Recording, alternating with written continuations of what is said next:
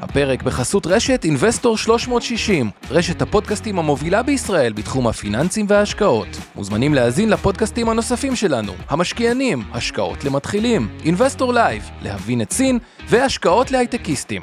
הופק ונערך על ידי שמע, פודקאסטים ויצירות סאונד.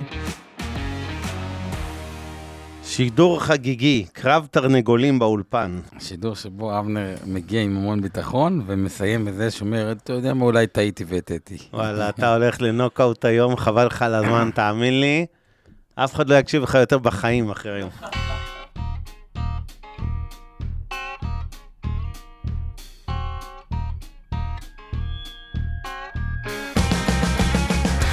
המשקיענים אבנר סטפאק ועומר רבינוביץ' בשיחה חופשית על התחומים החמים ביותר בעולם ההשקעות.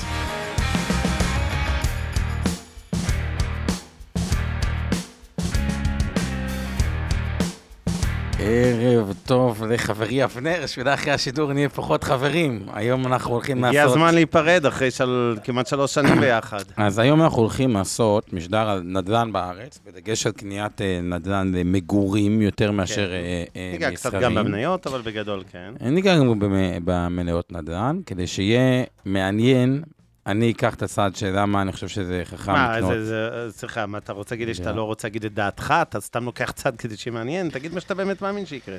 טוב, אני חושב, אני אגיד לכם את זה ככה, אני חושב שאבנר גורם נזק לאנשים בעצה לא טובה, וואי, אוקיי? וואי, וואי. וגרם נזק בעצה לא טובה. בהקשר הספציפי הזה, גם עשה הרבה טוב. אגב, גיליתי ביום שבת על כישוריו של אבנר עוד כמה כישורים עם uh, ילדים ותינוקות. אה, ש... תינוקות זה אני. כן, נפגשנו... אמרת תינוקות, ב... אמרת אבנר. בראשון uh, במקרה, ו... בגן עברית. כן. עם ב... ארבעה ילדים קטנים, בראש... שאני מסתובב איתם הרבה. ואני עם תינוקת אחת, אבל uh, הוא הראה את uh, כישוריו, לא נעשה פה הדגמה לייב, לפתוח ולסגור. כן. לפתוח ולסגור. אז אני חייב לפרגן לאשתי, כי היא המומחית לתינוקות, יש לה אפילו עסק בתחום, ואני כאילו למדתי ממנה את כל הסודות. אבל יש לי כנראה, זה מאבא שלי, יש לי חשמל, אני התנדבתי הרבה שנים באור שלום בקלטי חירום של תינוקות, והייתי מטפל במקרים הכי קשים, אלה שבאים עם תסמונות אלכוהול וגמילת סמים, אתה יודע, שנולדו כאילו כעוברים, אוקיי. אה, ספגו את הסמים בדם, ונשבע לך, הייתי המרגיע הלאומי, הלוחש לתינוקות, ועשיתי את זה המון שנים, ואני עדיין איכשהו קשור אה. לאירוע, לא, לא נרחיב איך, אבל בין היתר, את כל הילדים האלה שהיו פעם תינוקות, לקחתי, זה מה שפגשת אוקיי. בשבת. ילדים מדהימים ומקסימים. אז גם על הבת שלי, התרגילי אבנר עבדו טוב, חוץ מברכבת. הייתה רכבת ובכתה בהתחלה, אבל אז גם היא... בקיצור, כן, הילדה חולה, נפצעה, בוכה, מדוכאת. תקראו לסטפאק ואנחנו נפתור את כל הבעיות ב-30 שניות. אז יפה, אבל איפה מתחילה הבעיה? איפה כן. היה, הילדה תגור? אוקיי, צריכה דירה או רק בהשקעות ובשכירות, אתה מבין? זה ה... את הדירות שלך היא בטח לא צריכה, אבל אחרי זה נדבר. את הבעיה, ונדבר טיפה. לפני שנצלול רגע לוויכוח, בואו נסתכל על כמה נתונים וכמה עובדות על שוק הנדל"ן בישראל, ככה כדי לתת בכל זאת טיפה אה, עומק. בישראל יש כ-2.85 מיליון דירות. רגע, רגע, עצור, עצור, עצור, שנייה. קודם כל, מצטרפים אלינו מלא אנשים בכל שניה שאתה מדבר, ולפני זה אנחנו צריכים להגיד תודות. נכון? יש לנו את שיר פלדמן, האלופה, שעושה לנו תמלול, אני מזכיר, חרשים, לקויי שמיעה וכל מי שצריך. תרגו, סתם יותר קל לו לראות אותנו ולא להאזין לנו, ורוצה לראות כתוביות. closed caption בזום, אתם יכולים לראות את הכתוביות בלייב. אה, תודה לאורי טולדנו משם הפודקאסטים שיושב איתנו באולפן ומפיק אותנו. תודה לצוות שלך, עמי ארביב, אורן אה, ברסקי ואור חלמיש. ו... אה, נגיד את הערת האזהרה הקבועה שלנו, למרות שהיום אנחנו עסקינן יותר בנדל"ן, אבל נגיד את הערת האזהרה הקבועה, שאומרת שכל מה שאנחנו עושים הערב אינו, אנחנו נזכיר גם מניות, אז אינו ייעוץ השקעות ולא תחליף לייעוץ השקעות המותאם לצרכים ונכסים שלכם בידי ייעוץ השקעות מוסמך. זה לא המלצה לביצוע פעולה כלשהי, בניירות ערך, בקרנות נאמנות, בתעודות צה"ל. אם אנחנו מזכירים מניות ספציפיות, ופה ושם כחלק מהחינוך כן. הפיננסי, ולא ממטרה באמת אה, עכשיו להגיד לכם, להמליץ לכם על אה, מניות כאלה ואחרות, אנחנו נזכיר שמות. זה אה, כאמור אינו מהווה המלצה להשקעה בהן, ואנחנו מחזיקים את המניות האלה סביר להניח בתיקי השקעות של אינבסטור 360, תיקי השקעות קופות הגמל לפנסיה, השתלמות, קרנות הנאמנות, תעודות הסל של מיטב, של מיטב, ולכן יש לנו אינטרס כשאנחנו מזכירים את זה. זהו, עכשיו תורך. אז ככה, אז אני אתן לאבנר את הזכות, לא, שנייה, להתחיל אה, בטיעונים למה לא לקנות. דירה, אבל לפני זה, שנייה, לפני כן. זה. ואז אני אסביר באמת, אני חושב, האמת, אבנר, בסוגיה הזאת, אני באמת מרחם חושב שאתה. עושה נזק לאנשים. וואי, אני אציין את. זה לטובת אלה שהצטרפו, ואני אסביר לכם גם. למה. אה, אבל, כדי שכל הדיון הזה אה, יהיה קצת על קרקע יותר אה, אה, עמוקה, בואו ניתן ככה קצת נתונים על שוק הנדל"ן יאללה. הישראלי. אז בישראל יש כ-2.85 אה, מיליון דירות. אגב, שוק אדיר, אם ניקח מחיר ממוצע של דירה אה, בישראל, אה, ועוד רגע ניתן לכם את אה, את המספר, לא, נתחיל מהמספר הזה. אז המחיר ממוצע לדירה אה, בישראל עומד על, נעשה דאבל צ'ק בשתי אה, מקורות, אבל מה שאני בדקתי כ-1.9 מיליון שקל, יש מקומות שזה 1.8 מיליון שקל כתוב, אז בואו ניקח את זה לצורך העניין, נעגל את זה שנייה לשתיים. ב-2 מיליון שקל כפוי 2.85 מיליון אה, אה, אה, דירות, אנחנו מדברים על שוק של אה, למעלה מחמישה טריליון שקלים, חמישה וחצי טריליון שקלים, זה המון, רק כדי להבין. כל הבורסה לניירות ערך ביחד, עם כל השווי של בעלי השליטה. כלומר, יש את המניות של בידי הציבור ויש את המניות שבידי הבעלים. לדוגמה, אבנר הוא בעלים של מיטב, אז כולל המניות שלו, כל הדבר הזה ביחד הוא טריליון שקל. כלומר, כשאנחנו מדברים על שוק הדירות בלבד בארץ, אנחנו מדברים על שוק שהוא שווה יותר מפי חמש כל הבורסה הישראלית, אפילו כמעט פי שש, כל הבורסה הישראלית ביחד, כולל חברות הנדל"ן שנמצאות שם. אנחנו מדברים על שוק אדיר ב, אה, אה, בגודלו. עוד קצת נתונים מאוד משתנה בישראל, כי הם מדברים הרבה על אה, מקומות שונים בארץ, אז בהחלט גם בנדל"ן, הצורת אה, נדל"ן היא מאוד שונה. לדוגמה, בתל אביב בממוצע בדירה חיים 2.2 מיליון אנשים, 2.2 אנשים? אנשים לדירה.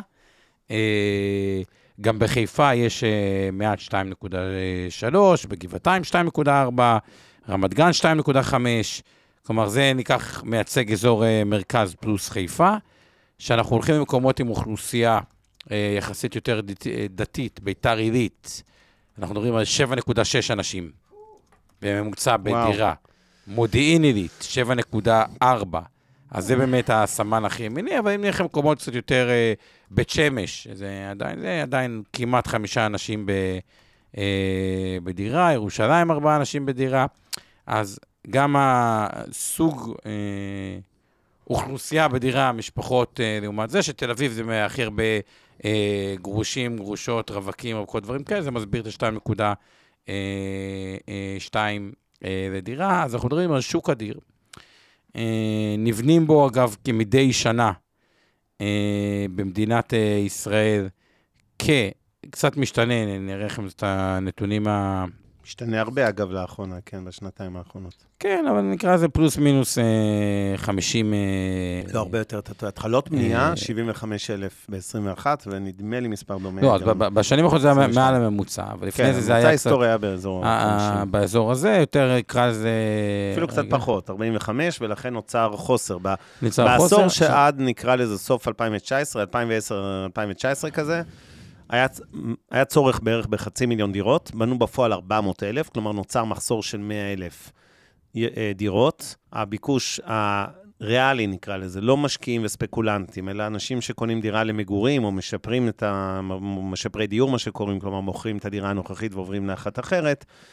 הביקוש עלה מאזור ה-43 אלף בתחילת העשור הקודם, באזור 2010, לכיוון ה-50 וקצת אלף עכשיו, 53, יש מחלוקות בין 50 ל-55 אלף, זה כאילו הביקוש, נקרא לו האמיתי במרכאות. זאת אומרת, אנשים ש... שאשכרה קונים דירה בשביל לגור בה ולא מזווית של אה, להשקיע. אז לא, בישראל באמת לחילופין, סליחה, שוכרים ומשכירים. דירות כן, חדשות פר שנה הן נהיות, אז שנת 2017, 47 אלף, 18, 50 אלף, 19, 51 אלף, 20, 48 אלף, 21, 46 אלף. כלומר, אנחנו רואים שאנחנו באזור ה... זה אתה מדבר על דירות, אבל. שהסתיימו, הסתיימה בנייתן. לבנות יש הבדל בין בישראל. התחלות בנייה לסיום ה- בנייה. ה- נכון, הדירות שנמכרו בישראל, 2021, אגב, הייתה שנת שיא עם 56 אלף אה, דירות. אה, עכשיו, אה, אגב, יש 190 אלף אה, דירות ריקות בישראל, לפי אחד האתרים, שזה לא כזה אה, מעט, אה, שזה גם אה, אה, סוגי מצד אחד יש מחסור, מצד שני יש דירות אה, אה, אה, ריקות. אה, עוד נתון אחד מעניין לפני שנתחיל על הטיעון, אה, מחירי הדירות עלו בכ-20% בשנה האחרונה, אולי טיפה פחות. 19, כן. 19 אה, אחוזים.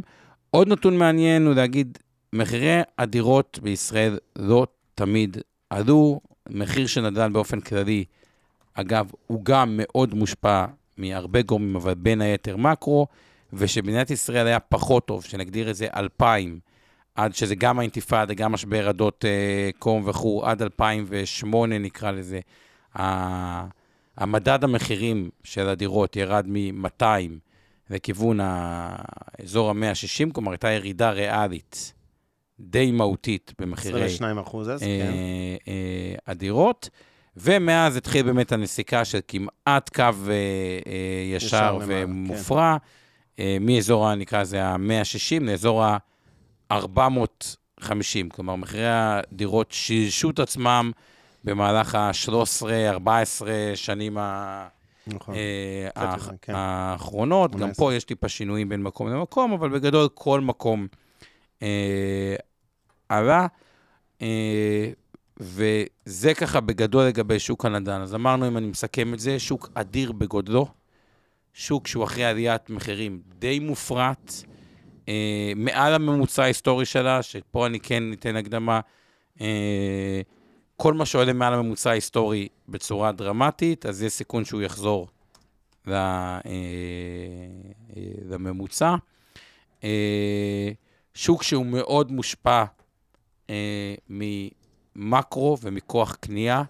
בסוף נדל"ן, עזבו אתכם היצע וביקוש, יש מלא מקומות. גם יכול להיות שחסר אה, דירות בפיליפינים בעיר מסוימת, זה לא אומר שזה יעלה מיליונים. בסוף זה היצע, ביקוש, כוח קנייה. בואו לא נתבלבל. נדל"ן הוא מאוד מאוד מושפע מ... אה, מכוח אה, קנייה, ונדבר גם על זה. אה, וכדי להבין את המחסור, כי הרבה אנשים אומרים, מה זה חסר 60 אלף דירות בשנה או 50 אלף? כאילו, מאיפה זה נובע? אז בואו נסכם מדינת ישראל. כמות האוכלוסייה במדינת ישראל צומחת בכאחוז נקודה תשע בשנה. נכון, נטו. אז אם אנחנו לוקחים בחשבון שבמדינת ישראל חיים היום כמה תושבים בדיוק? בואו נראה... קרוב לתשעה אה, מיליון, כן. מדינת אה, אה, ישראל, 9.3 אה, מיליון נכון ל-2021. אה, אז תעשו 1.9, זה עוד 180 אלף איש. קחו שלושה אנשים כמשק בית, רגע, לצורך הפשטות, אז אותם 190 אלף איש נוספים, זה עוד 60 אה, אלף דירות. כאילו, מזה זה, מזה זה נובע. אה, נראה לי קצת רקע. עכשיו... טוב, רגע, אני, אני חייב להוסיף כמה דברים לרקע, ובעיקר להתייחס לנתון אחד, מילה אחת חשובה שלא עלתה פה בשיח שלך, אבל קודם כל, אה, כמה דברים. אני רוצה להזכיר רגע, יש לנו בעצם מחסור בדירות, אוקיי? זה דירות. זה, זה מחסור, זה הכוונה מול הביקושים הריאליים, אוקיי? אנשים שבאמת קונים למטרת מגורים. לא משנה אם טכנית קונים בעפולה, משכירים את הדירה ושוכרים בתל אביב, זה מבחינתי קנה דירה למגורים, בסדר? אגב, רק לגבי המחסור הזה, אנשים שואלים, מה זה מחסור? אנשים הרי בישראל לא גרים ברחוב, אבל יש הרבה אנשים, יותר ממה שחושבים, גרים אצל ההורים. ועדיין לא, ברור, זה, ברור. גורם בכלל דיור למטה והיו רוצים לעבור, כלומר, אוקיי. זה הרבה... אז זה הרובד הראשון, ואדיר לוי נותן פה הערה מאוד חשובה, שאני מסכים איתה ל-190, שזה נתון מאוד מנופח של הלמ"ס, החוסר כביכול של 190 אלף. כאילו, אה, שמדברים על הרבה מאוד, אה, כן, סגמנטים של דירות ריקות וכולי, הנתון עצמו הוא נמוך הרבה יותר. אה, הוא גם ירד עכשיו, כי סוף סוף מ-21 וב-22, לא יודע מה יהיה ב-23-4, גם שיווקו הרבה יותר וגם התחילו בנייה של הרבה יותר. אבל יש, יש לכם בעצם שלושה סעיפים, ABC נקרא לזה, להבין את שוק הנדל"ן למגורים מבחינת הכמויות של דירות. אחד זה דירות גמורות, זה מה שאתה התייחסת, שתיארת את ה-50 אלף לשנה שסיימו. שתיים, זה התחלות בנייה, שזה שנתיים, שלוש לאחר מכן יגיעו כדירות גמורות לשוק. ושלוש, זה שיווקים, אוקיי? זה המכרזים של רמ"י, רשות מקרקעי ישראל, ששיווקה לקבלנים מגרשים כמו בשדה דוב ובכל מקומות במדינה, והם יגיעו לשוק נגיד בעוד 4-5 שנים כדירות גמורות. אם נסתכל על ה-ABC הזה, אז דירות גמורות היה לנו אכן כ-50 אלף ממוצע לשנה בשנים האחרונות. התחלות בנייה בשנתיים האחרונות כנראה כ-75,000 לשנה, שיווקים מעל 90,000. כלומר, הפער הזה של ה-90 מול ה-50, 40,000 לשנה כפול שנתיים, סוגר בבת אחת, שוב, לא עכשיו, בעוד 3, 4, 5 שנים כשהן יהיו מוכנות, וכמובן הם יימכרו כבר קודם, כי אנחנו יודעים שקבלנים נמוכים על הנייר, אז זה לא רק בעוד חמש שנים, אבל או בעוד ארבע שנים, אבל זה, זה כן אה, אה, יסגור חלק גדול מהפער ההיסטורי, שלא משנה כמה באמת הוא, אה, אה, מה המספר המדויק, גם קשה נורא להעריך אותו, אבל אין ספק שהמגמה השתנתה, והיא אה, של צמצום. אה, טוב, יש פה מלחמה פוליטית על מי אשם, אז... אה, ליאת צר לי, אני מסכים עם נילי, אבל לא משנה, לא ניכנס לזה, כי אני לא רוצה לחמם פה לא. את האווירה. אה, אבל, אני רוצה רגע להגיד אה, אה, מה חסר לי בכל הדיון. מילה אחת לא שמעתי פה, אני חושב, תקן אותי אם אני טועה, יש לי הפרעות קשב, זה המילה בועה. זאת אומרת, היטבת להגדיר את השוק הישראלי כיקר, וזה, הוא לא יקר, הוא בועה, הוא בועה מטורללת, בכל פרמטר שנשווה אותו לעולם. כמות המשכורות שאנשים צריכים כדי לקנות דירה. אגב, היום עם הריבית הגבוהה זה גם עלה משמעותית, כי זה לא רק הקנייה דירה, זה התשלומי ריבית המוגדלים. ניקח את הנושא של אה, אה, אה, המחיר למטר. אה, כל פרמטר נומינלי, ריאלי, בהשוואה למדינות נורמליות שאנחנו רוצים להשוות לעצמנו למערב, אירופה, ארה"ב, חלקים המערביים של אסיה, אנחנו מהמדינות היקרות ביותר בעולם. אגב, תל אביב, בכלל היא בשיא, 281 משכורות לדירה. עם ירושלים ביחד זה 287, ומן הסתם ככל שנעבור... כן, הממוצע נדמה לי הוא 160 אה, או 170, לא זוכר. במקומות חיפה 113, שזה כן. כאילו נראה עדיין סביר. אה, אבל פתאום גם מקומות כמו בת ים, שזה הפך להיות תל אביב, כן. זה יקר, נתניה כבר לא זולה, אי אפשר להגיד עליה. אה, עכשיו אני רוצה דווקא להתחיל מלהסביר מה דווקא לא את התזה שלי, שאתם מבינים שאני חושב שהפעם זה רציני והמחירים הולכים לרדת. זה לא שלא חשבתי קודם וטעיתי, טעית. כי אמרתי את זה גם לפני כמה שנים, נכון. אבל אני כן חושב ש... אני לא יודע אם הפעם זה בחודשיים הקרובים או בשנתיים הקרובות, אנחנו הולכים לירידה ומשמעותית, ואני אסביר למה. אבל לפני זה אני דווקא רוצה להסביר למה, מה, מה ממתן את התזה שלי, מה כאילו פועל הפוך, אה, בעד אה, בעד אי ירידה או המשך עלייה תיאורטית. אבנר, אתה בא לכסח את עצמך. לא, לא, לא, לא, לא, אני לא בא לכסח, אני הולך לכסח את שוק הנדל"ן, לא את התזה של עצמי. אני רק צריך להיות מאוזן והוגן, אני לא... באתי לריב איתך אמנם, אבל אני לא... אני רוצה להגיד באמת מה שאני חושב, ולא סתם אה, בשביל ה-sake of argument אה, לצאת נגדך. אז בואו נתחיל ממה ממתן כרגע את, אה, את הפוטנציאל לירידה משמעותית בשוק הדירות. אחד, יש לנו באמת בעיה בישראל של רגולציה ובירוקרטיה בענף הנדל"ן. מי שזוכר, כשכחלון מונה לשר האוצר, ב... עוד כשהיה במפלגת כולנו, לפני שחזר לליכוד, הייתה לו התניה לפני 7-8 שנים, שהוא יקבל אחריות כוללת על שוק הנדל"ן, גם השיכון, גם רשות מקרקעי ישראל, מנהל התכנון שהיה שייך למשרד הפנים, אה, כמובן משרד האוצר, כל מי שנוגע איכשהו בנדל"ן, הוא רוצה להיות הבעל הבית של האירוע הזה, וגם הוא נכשל בזמנו בבלימת אה, אה, הסיפור הזה. אה, כל הניסיונות שנעשו, מחיר למשתכן אגב עזר מאוד לזוגות ספציפיים שקנו במחיר למשתכן, נכון. אבל הוא לא קירר את שוק הנדל"ן. אה, מע"מ אפס של לפיד אחרי זה כשר אוצר בכלל לא תרם כלום לזה. אה, הורדת המס הרכישה ההזויה של ישראל כץ בכלל דרבנה לעליות, כי פתאום משקיעים התחילו לקנות כספקולנטים דירות. העלאה חזרה של המס הזה בסוף 21, לפני שנה ורבע, קיררה חזרה, הוציאה את המשקיעים בכלל מהשוק הזה. אבל בגדול, נגיד בכנות שתהליכי קבלת ההחלטות במדינת ישראל, אה, לא רק בפוליטיקאים שנוגעים בשוק הנדל"ן, אלא גם במגזר הציבורי שמתעסק בו, ובפרט רשות מקרקעי ישראל, בוא נגיד, בלשון המעטה לוקה בחסר, ואני לא רוצה להתחיל לחלק אחוזים בעוגת האשמה לאיך הגענו עד הלום, אבל יש שם שילוב של פוליטיקאים עם, עם פקידי ציבור אה, ש, שאחראים על התחומים האלה, בירוקרטיה כבדה, אני מכיר שווקים בחו"ל, אני יודע כמה זה לוקח לתכנן ולבנות בהרבה מאוד מקומות. בארץ זה גיהנום מהגיהנום, וזה חלק מהסיבה שמחירי דירות עולים. אני חושב שעוד כמה נקודות במרכאות, uh, לכאורה, עוד קצת דברים שמקזזים, נקרא לזה, uh, את הסיפור, מלבד הבירוקרטיה והרגולציה שהן uh, משמעותיות.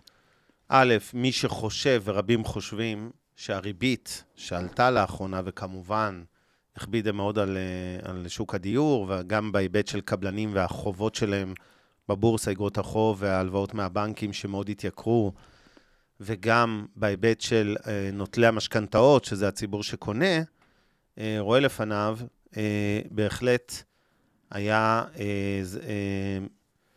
בוא נגיד ככה, אה, בהנחה שהריבית תעלה עוד קצת, אבל מתישהו תחזור לרדת, אז שוב חוזר השאלה, כי הריבית היא ללא ספק פקטור דרמטי בשוק הנדל"ן. כשאני אחזור רק בכל זאת לרגולציה, בירוקרטיה ופוליטיקה בהקשר של נדל"ן, אני אגיד שעכשיו שזה שוב מפוצל, אה, יש לנו שר שיכון, טייקון נדל"ן אה, בעצמו, אתם מכירים כבר את כל הסיפורים, אני לא אחזור על מה שמתפרסם בעיתונים לאחרונה. לא, לא כולם מכירים, תן... אה...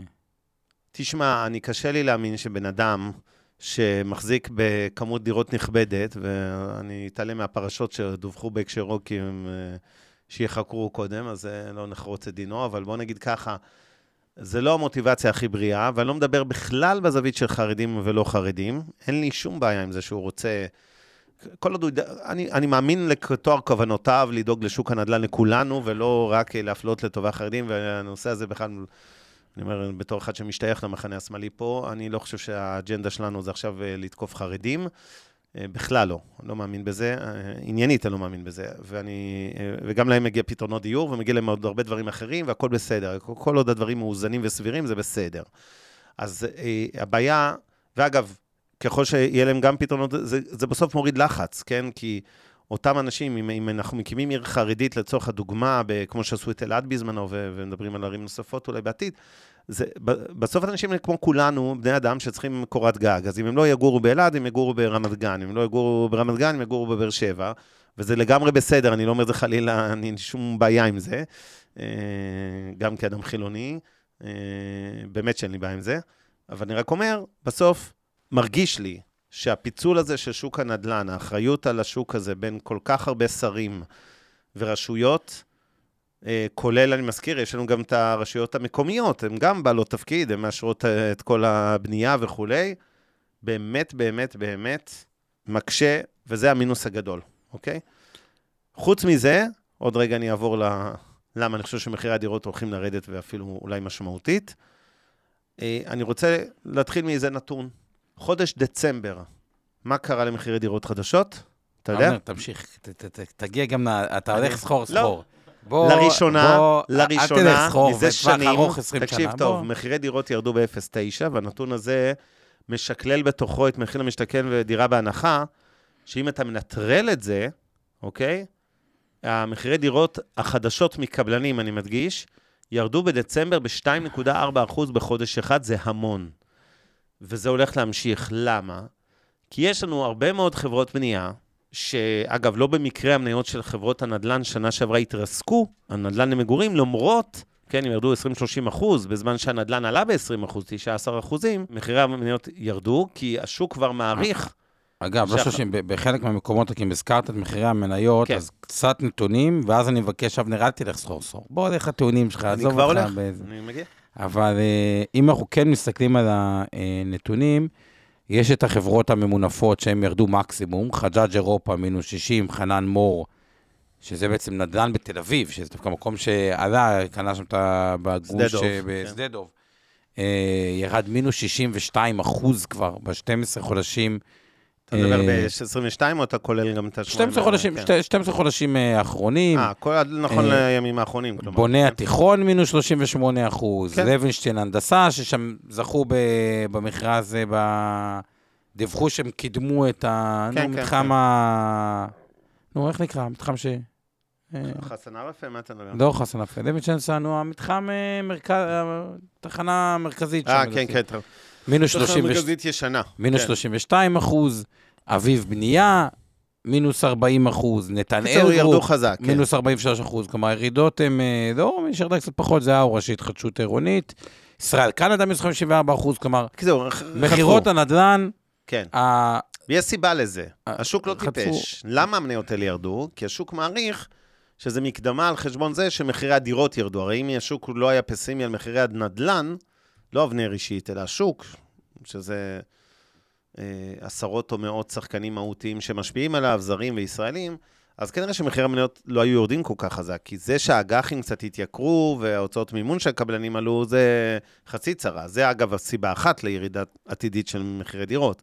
קבלנים יהיו בלחץ. עכשיו, בוא ניקח מתחם כמו, נגעת בו, הזכרת את הגוש הגדול שם, את שדה דוב. מתחם ענק שיצא להפרטה, אנשים קנו שם בכל מיני מחירים. עכשיו, יש קבלנים יותר ממונפים, פחות ממונפים, לא רוצה להיכנס לשמות. זה גם לא חשוב. יכול להיות שקבלן מסוים אומר לעצמו, תשמע, אני קניתי במחיר X למטר, אני לא אמכור בהפסד. אז הוא ינסה, נניח, להחזיק מעמד ולא למכור בהפסד.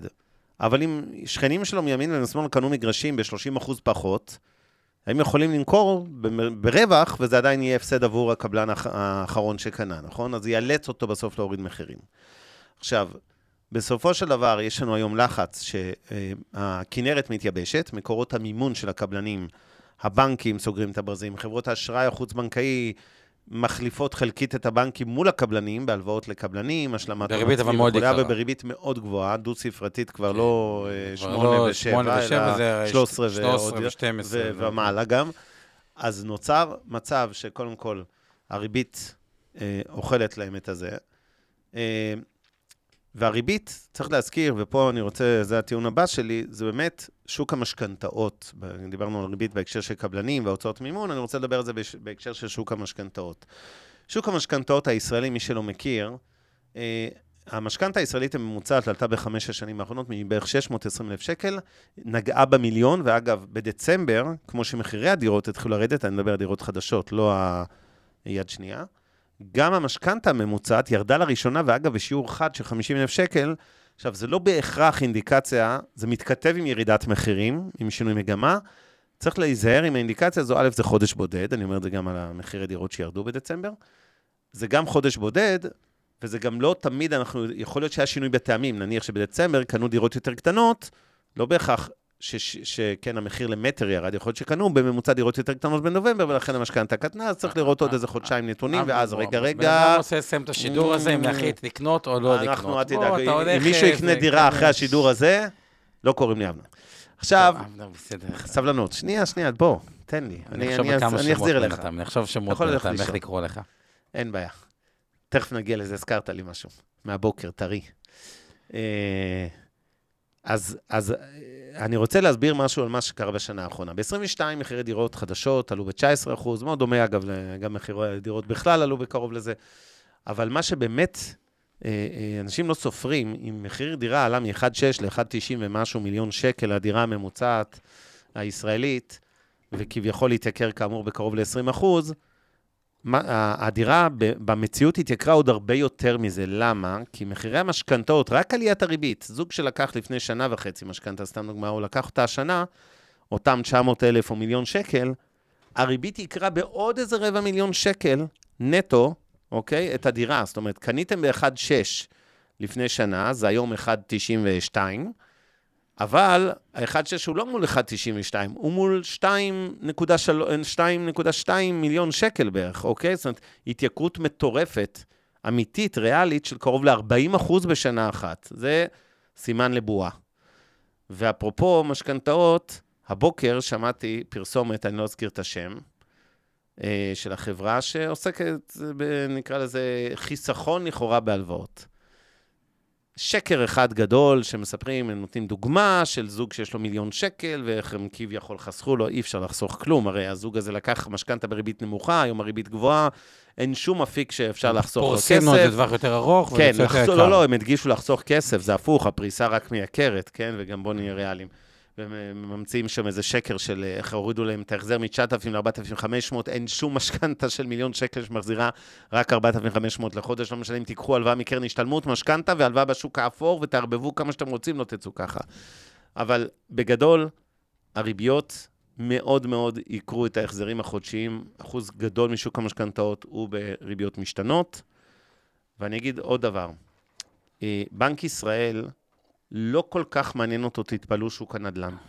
מעניין אותו יציבות של הבנקים, ומצבה מעולה בשוק המשכנתאות, לא לדאוג, גם אם הנדל"ן ירד מחר ב-30 אחוז, תאמינו לי, זו מכה קטנה בכנף של הבנקים.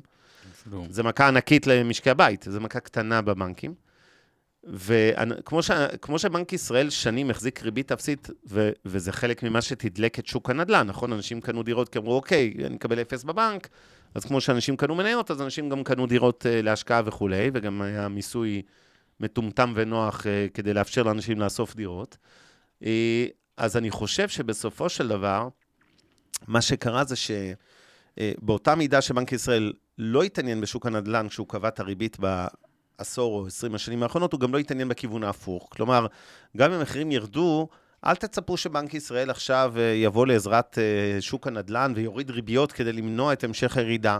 הוא לא מוטרד מזה כל כך, ובצדק. הריבית קודם כל נועדה לטפל במחלות גדולות למשק, כמו מיתון, אינפלציה וכולי, ופחות להתעסק במחלות הרבה יותר קטנות, כמו מחירי הנדל"ן, לטוב ולרע אה, וכולי. ולכן, אני חושב שבסופו של דבר, הריבית היא הפקטור המרכזי לסיבה שאני פסימי על שוק הדירות. אני לא רואה אותה ליד יורדת כל כך מהר. מדברים על זה שאולי היא תרד ברבע אחוז סוף שנה הזו. אני מאוד אופתע, כי אני חושב שנגידים הולכים להפתיע לרעה ולהשאיר את הריביות גבוהות. הם לא יעלו עוד הרבה, כן, הריביות, הם יעלו עוד, אבל לא בין רבע אחוז לשלושת רבעי אחוז בעולם, נגיד בשנת 23, וזה ייעצר שם. אני לא רואה ירידה לא משמעותית בריבית, אני לא רואה ירידה בכלל השנה, בניגוד, ל... אבל אני חייב להיות הוגן, זה, רוב החזאים כן רואים שבסוף שנה הזו כבר הוא מתחיל להוריד את הריבית, ואני לא רואה ירידה משמעותית, גם כשהוא כבר יתחיל, לא משנה אם זה יהיה בנובמבר 23 או רק במרץ 24, כי אני כן חושב שב-24 הריבית קצת תתחיל לרדת, אני לא רואה את זה חוזר לרמות האפסיות שהיינו בהן. אני לא רואה את המיסוי אלא אם כן יעשו את הטעות הנוראית הזו עוד פעם, אבל אני סומך על סמוטריץ' שהוא לא יתאבד על זה אה, כרגע בלהזרים משקיעים לשוק הנדל"ן, כי זה הדבר האחרון שחסר כרגע. אז אני לא רואה אותם, אה, כן, מורידים חזרה את מס הרכישה על דירה שנייה ואילך, זה תהיה טעות נוראית לעשות את זה. ולכן, בעיניי, אה, בוא נגיד ככה, השילוב של הוצאות מימון כבדות, בשוק, בקבלנים. הוצאות מימון כבדות לרוכשים עצמם, קרי ריביות על משכנתה, שהעלו משמעותית את ההחזר, ואגב, עוד לא גמרו לעלות. אה, ביחד עם, אני אוסיף עוד פרמטר, מיתון שהמשק גם קצת נכנס אליו, לטעמי אתם יודעים שאני קצת פסימי על המיתון, אה, ברגעים אלה.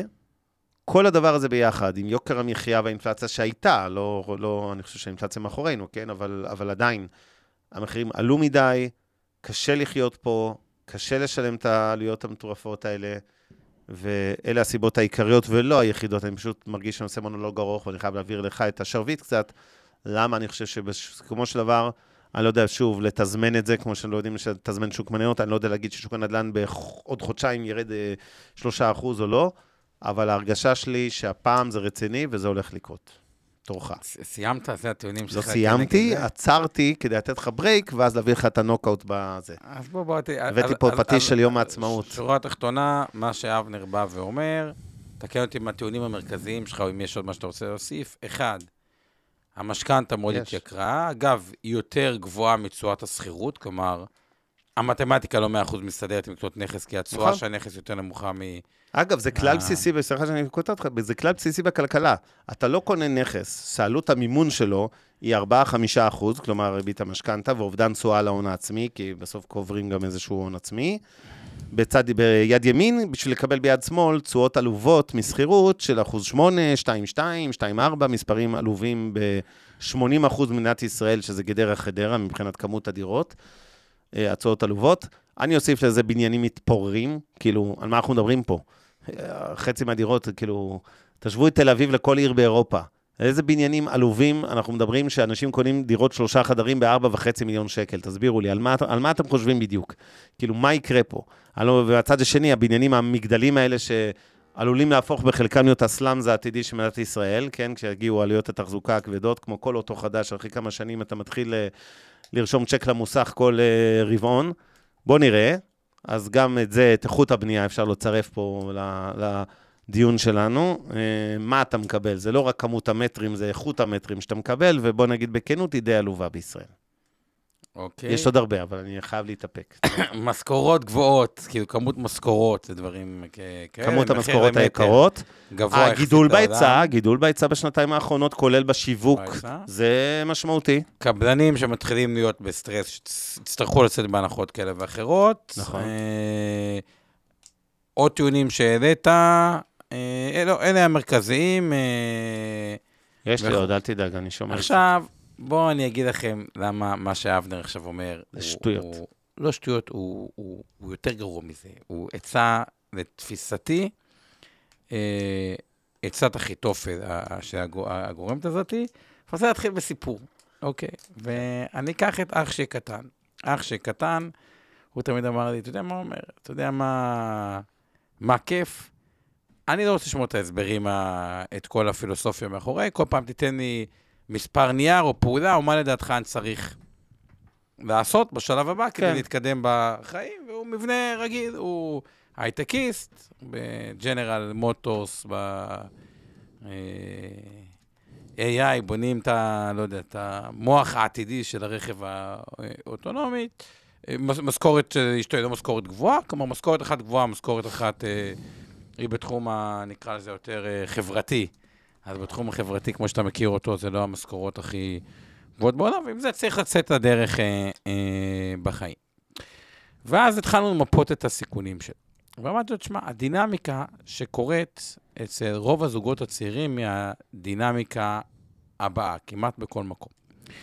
הם מתחילים את החיים, הם גם לא יודעים כמה הם יצליחו, מה תהיה המשכורת, מה הדברים וכו' וכו'. הרבה מהם גרים, נקרא לזה אזור המרכז, לאו דווקא האזור שהם הגיעו, גם הרבה עוברים לתל אביב או מקומות כאלה, ואחרי זה חוזרים, נקרא לזה, מקומות, ברגע שיש את הילד הראשון, למקומות שהם יותר affordable מבחינה כלכלית, כלומר, יוצר המצב בילד הראשון, נקרא לזה היציאה מתל אביב, בטח בילד השני, מקשיבים לאבנר לצורך העניין, אה, ואז אומרים, טוב, לא קונים דירה, אז איפה שאנחנו כבר כן רוצים לגור, אה, עם הדירה הראשונה, בואו ניקח שכירות, נראה אם אנחנו אוהבים את האזור, לא אוהבים את האזור, מה קורה איתנו, ומשם נתגלגל. תקן אותי רגע, זה, זה, זה, זה הלך רוח של, טיפה החלטתי נכון. יותר מדי, אבל זה הלך רוח כאילו של החיים עצמם. נכון. הבעיה עם לא לקנות דירה, שמה שקורה בפועל, במבחן המציאות, ואני גם אסביר למה, עוברים לאותו אזור שכן רוצים להתחיל לגדל את הילד, שזה הרבה פעמים קרוב להורים של אה, האימא של הכלה, או האימא של ה... או ההור- ההורים, לא, לא רוצה להגיד האימא, ההורים של הכלה, ההורים של החתן, כי צריך קצת עזרה. הילד בגן, ומהר מאוד מגיעים למצב ש... אי אפשר כל כך לצאת מהאזור הזה, כי כבר הילד הראשון בגן, הילד השני בגן, ופתאום מחיר של דירה עלה, עלה, עלה, עלה, פתאום אתה כבר מרגיש פראייר לקנות, אוקיי? אוקיי. אה, והשכירות גם מתחילה לטפס, ואז גם מגיע האזור של אה, אולי הבעל בית בכלל מפנה או לא מפנה, או בדיוק הבת שלו חזרה מחו"ל, או שהוא רוצה לגור כי הוא הזכיר ארבע שנים אה, כן. וכו', ומפנים אותם. ואז בלחץ משפחתי כזה או אחר, בגלל שכבר זה קרוב להורים של הכלה, זה קרוב להורים של החתן, של אחד מהם, שני הילדים בגן ואת הדברים, והחוויה הלא נעימה של דירה, נאלצים לשלם את המחיר הגבוה ביותר לדירה במגדל שהיא מראש לא על הנייר, מיד שנייה, לאיזה רוכש שהוא משפר דיור, שהוא כן קנה בהתחלה, ועכשיו רוצה להשתדרג לצמוד קרקע או לפנטהאוז או לדברים כאלה. מי שקנה בהתחלה דירת חמישה חדרים, מאוד עלתה, כן. והוא רוצה עכשיו את הפנטהאוז, אז הוא מוכר, ובגלל שהביקוש גבוה וההיצע מוגבל כי השכונה תפסה, הם נאלצים לשלם על אותה דירת ארבעה או חמישה חדרים את המחיר המקסימלי בנכס הגרוע ביותר, שאני קורא לזה דירת מגדל יד שנייה. אוקיי. למה דירת מגדל יד שנייה היא הנכס הגרוע ב... למה? ביותר? כי עם זה אני מסכים עם אבנר, מגדל הוא נכס שעם הזמן הוא לא משביח את עצמו, הוא לוקח את עצמו אחורה. מגדל בן 40 שנה, נכס סופר בעייתי. נכון. אני ו- כזה, ו- כי- מגדלים של 30 קומות, אני גדל- גדלתי בדירה ברמת גן, ואני לא זוכר כמה שכנים סופר היינו, אבל... בעייתי. למה נכס סופר לא בעייתי? אי אפשר להגיע להסכמות בין כל הדיירים, כי שילמו מעט מאוד, זה לא כמו בארה"ב שמשלמים הרבה על תחזוקה, משלמים יחסית מעט על תחזוקה, נכון. מעלית פתאום כן עובדת, עובד, צריך סולר, לשפץ, צריך לזה, את הדברים כן. האלה. בניין בעייתי, ואף פעם לא יש שם פוטנציאל, כי בניין 20 קומות, 15 קומות, 30 קומות, אף אחד לא יעשה שם כבר תמ"א לעולם. כלומר, נכון. זה כבר אחרי זה, ואז זה נכס שלא משביח את עצמו עם הזמן, אלא אה, נכון. הולך אחורה. עם הזמן. ו- ו- אז זה תרחיש אחד אגב, ש... בינינו, אתה מדבר על זה, מה, שנייה. הבנייני שלוש אה, קומות של ארלוזורוב אבן גבירול בתל אביב, שם קוד, המזדקנים הישנים וה... עכשיו, עכשיו, עכשיו, הסמרטוטים האלה, זה כן משביח את ערכו. זה אני כאילו הזוי, כאילו... העצה שאתה, אני אומר לך מה קורה במבחן המציאות. עכשיו, מה כן. אני אמרתי לאח שקטן? מה אני הצעתי לו? אוקיי, אמרתי את הדבר הבא, אוקיי.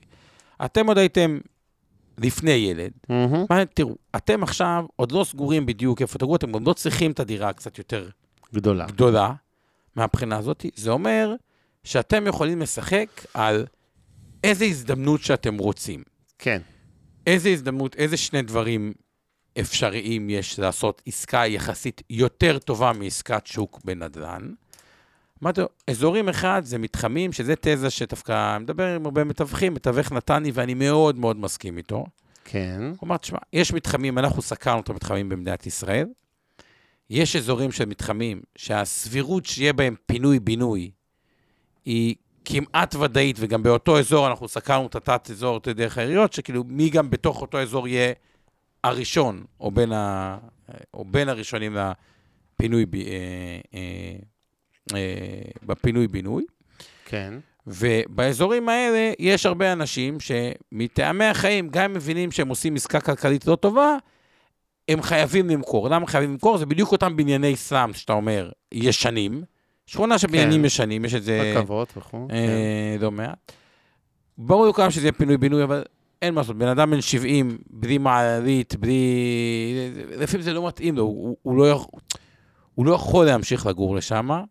זה נראה כמו זו הייתה איזושהי אה, עליית אה, אה, מחירים, אבל מה אתה מקבל כשאתה קונה את זה? המכירה, הלכנו לפתח תקווה, זה נקרא מתחם המוזיאונים, מי שמכיר ככה יכול לעשות. בגוגל, קנה דירת 100 מטר בפתח תקווה לפני ש- 2019, לדעתי זה היה, ב-1.45, שאני יודע שמתישהו, לא משנה, שפיר שם בפרויקט, מתישהו, אותה כן. דירה, 118 מטר, כי זה 100 פלוס 18 מטר כשהכול יאושר, ייקח 10 שנים, אולי ייקח 12 שנים.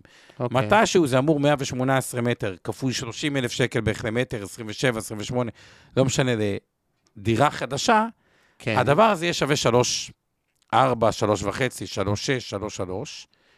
אה, וזה פונקציה רק של זמן, וככל שהשלבים יעברו, כלומר, יהיה חתימות, יהיה איזה דברים כאלה, גם אם לאורך הדרך הוא רוצה למכור, הוא, הוא, הוא ימכור בדרך. ואז הוא פותח את האופציה אה, לקבע את עצמו למחירי הנדל"ן, פלוס אפילו עסקה קצת יותר טובה מעסקת שוק. בואו נמשיך בסיפור הלאה. נולד הילד, רצו לעבור, התקבעו במקום, שמו אותו בגן, בלחץ המשפחות, אתם צריכים כבר דירה מ...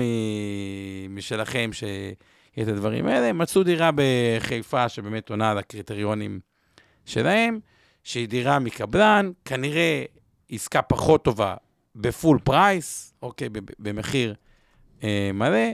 מחיר המשכנתאות עלה, אי אפשר כאילו להחזיק שני דירות, צריכים למכור את העסקה, מכרו את העס... מוכרים את העסקה בערך ב-2,150, לא משנה מה, הרוויחו פעמיים. אחד עשו 700,000 שקל רווח, שזה פעמיים על ה- אה, על ההון העצמי הכפילו את עצמו.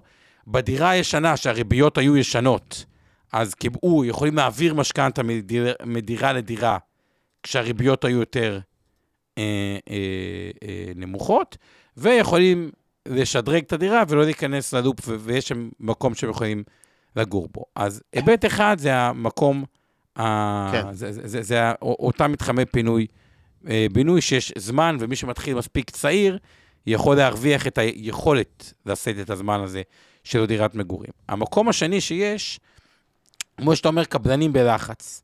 לפעמים, כמעט תמיד, אם תעבדו עם מתווכים, תמיד יהיה את הקבלן, או את ה- הרבה קבלנים, שכתוצאה מהלחץ הזה, יש כמות מסוימת של דירות שמוכנים לתת הנחה אמיתית על מחיר השוק, כי הבנק לוחץ אותם למכור דירות. בקורונה היו קבלנים שמכרו את זה בלי להרוויח כסף, למרות שזה הזוי, אחרי זה הייתה התפוצצות, אבל תמיד יש את הקבלנים הנחוצים, ואז אתה יכול להוציא מהם 20% בהתחלה, 80% בדו, ב- בסוף, אולי פטור מתשומות הבנייה, פטור מזה, שדרוג קומה, שדרוג זה זה, הרבה דברים כאלה. וגם זה יכול לעשות רק מי שהוא מתכנן את זה מספיק מוקדם, כי, אה, כי הוא יכול לחכות, כי, כי זה לפני הילד אולי, זה, או לפני הילד הראשון, כי, כי הוא יכול לחכות כמה שנים עד שזה יהיה מוכן, והוא לא צריך את הדירת ההתקבעות שלו איפה שה... אוקיי. עכשיו, מה הפואנטה בכל הדבר הזה? אני באמת מחכה לה כבר יפה. 20 דקות, ספר לי. ולמה אתה עושה עצת אה, אה, אה, אה, הכי טוב? שנייה, שנייה, אני אגיד לך כן. את הפואנטה. הפואנטה זה שכשאתה יוצא כן, באופן גורף כנגד הנדל"ן, מה שבעצם קורה, וראיתי את זה מלא אנשים, שלשמחתי עזרתי להם, ועד הם אומרים, תשמע, אנחנו ממש, עשית לנו ממש טובה ענקית בחיים, שדחפת אותנו. אוקיי. אה, מה שאתה עושה... דחפת אותה מהצוק. לא, לא, לא.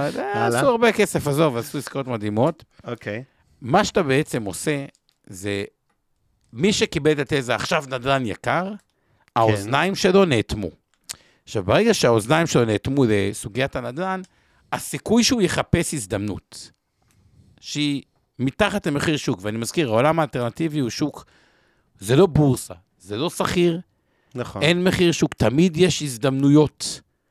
ברגע שבן אדם עוצם את האוזניים מלבדוק, מלחפש, מלהסתכל, גם אם הוא יכל לקבע לעצמו את אותה הצמדה למחירי הנדל"ן, ובואו נזכור, הסיכון, בדרך כלל אנשים משתדרגים עם דירות בהמשך. זה עליית מחירים הרבה יותר מירידת מחירים. בירידת נכון. מחירים שומרים על כוח קנייה, בעליית מחירים אתה מאבד את כוח הקנייה. נכון. ואתה קיבלת פה הצמדה למחירים בעסקה שהיא מתחת למחיר שוק, ויש עסקאות מתחת בסדר, עזוב, למחיר שוק, מה- בעיקר.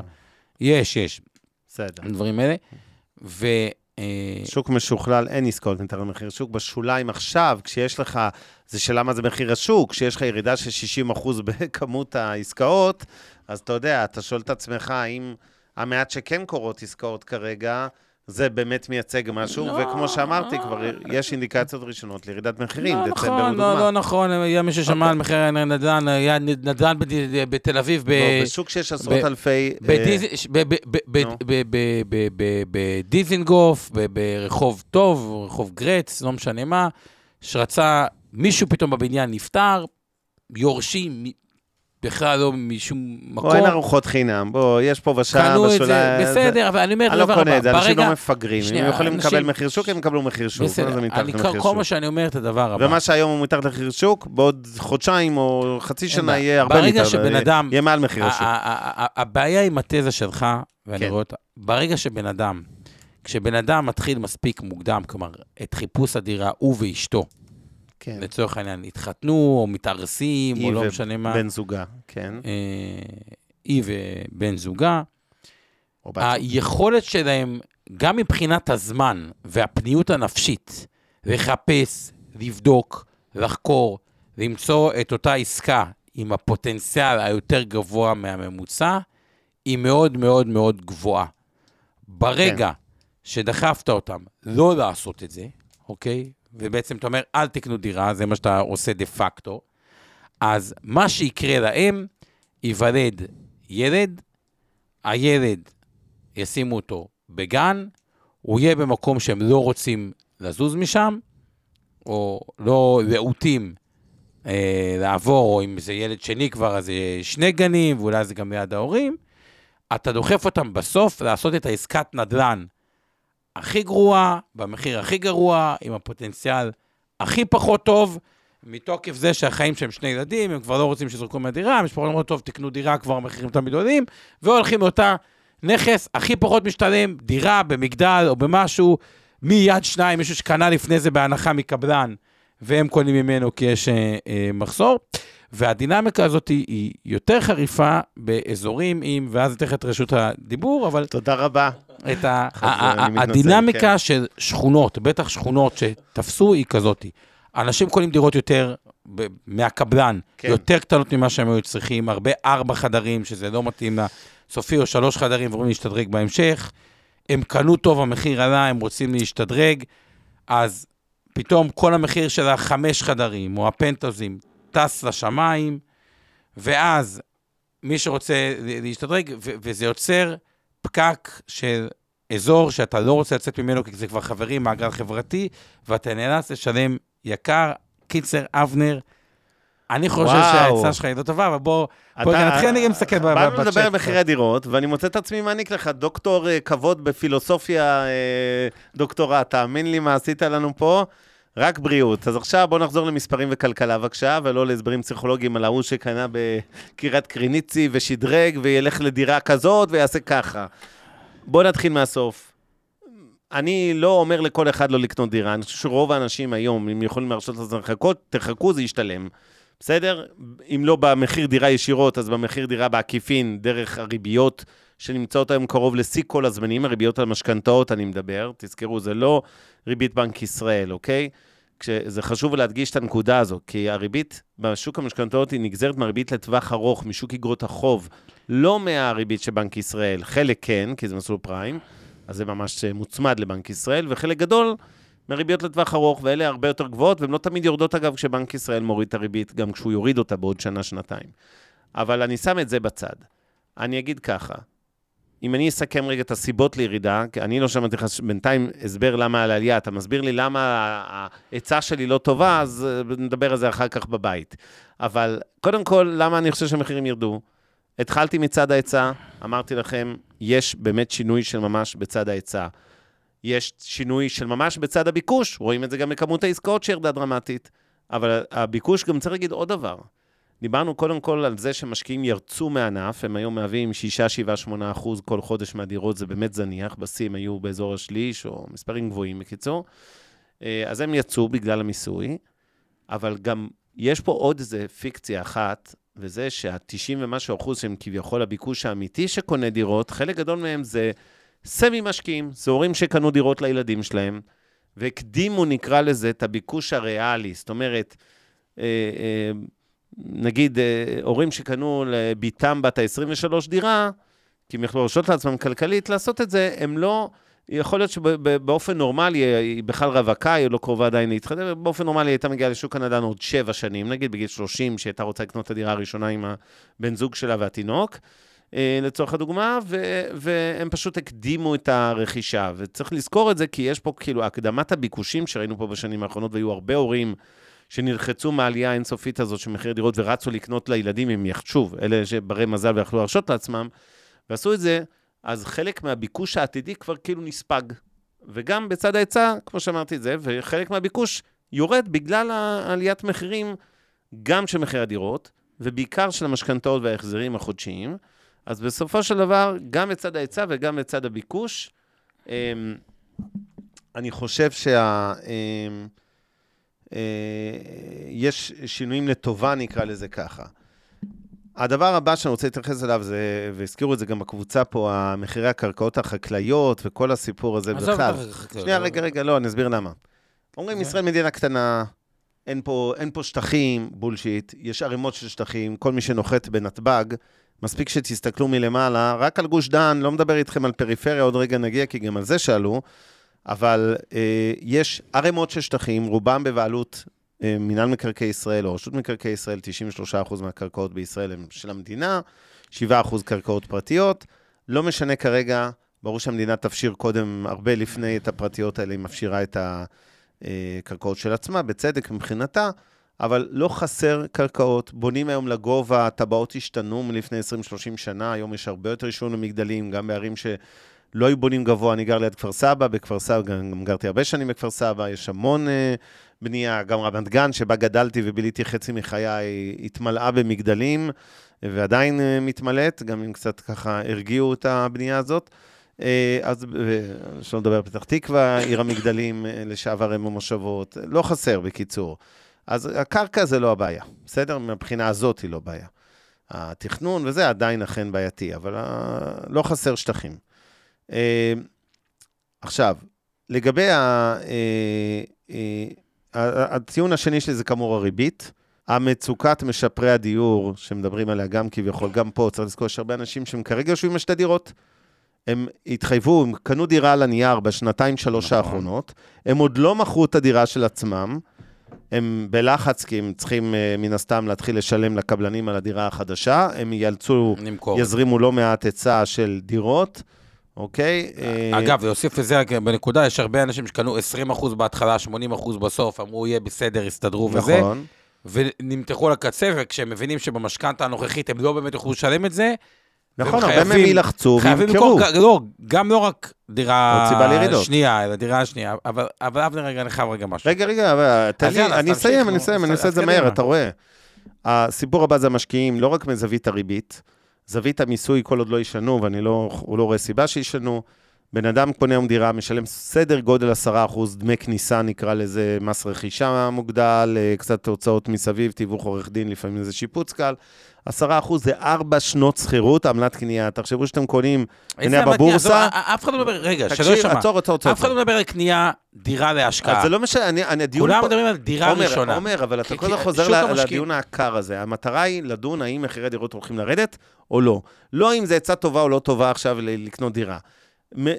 מחירי דירות ירדו בין היתר כי אין משקיעים. כי, כי המשקיעים נעלמו מהשוק בצדק. כי כשאתה צריך לשלם ארבע שנים של הכנסות שכר דירה רק בשביל לשלם את העמלה שקנית, תחשבו שאתם קונים מניה בבורסה, והייתם לכם מניות עושות 8% נגיד לשנה, אבל עמלת הקנייה שלכם היא 32%.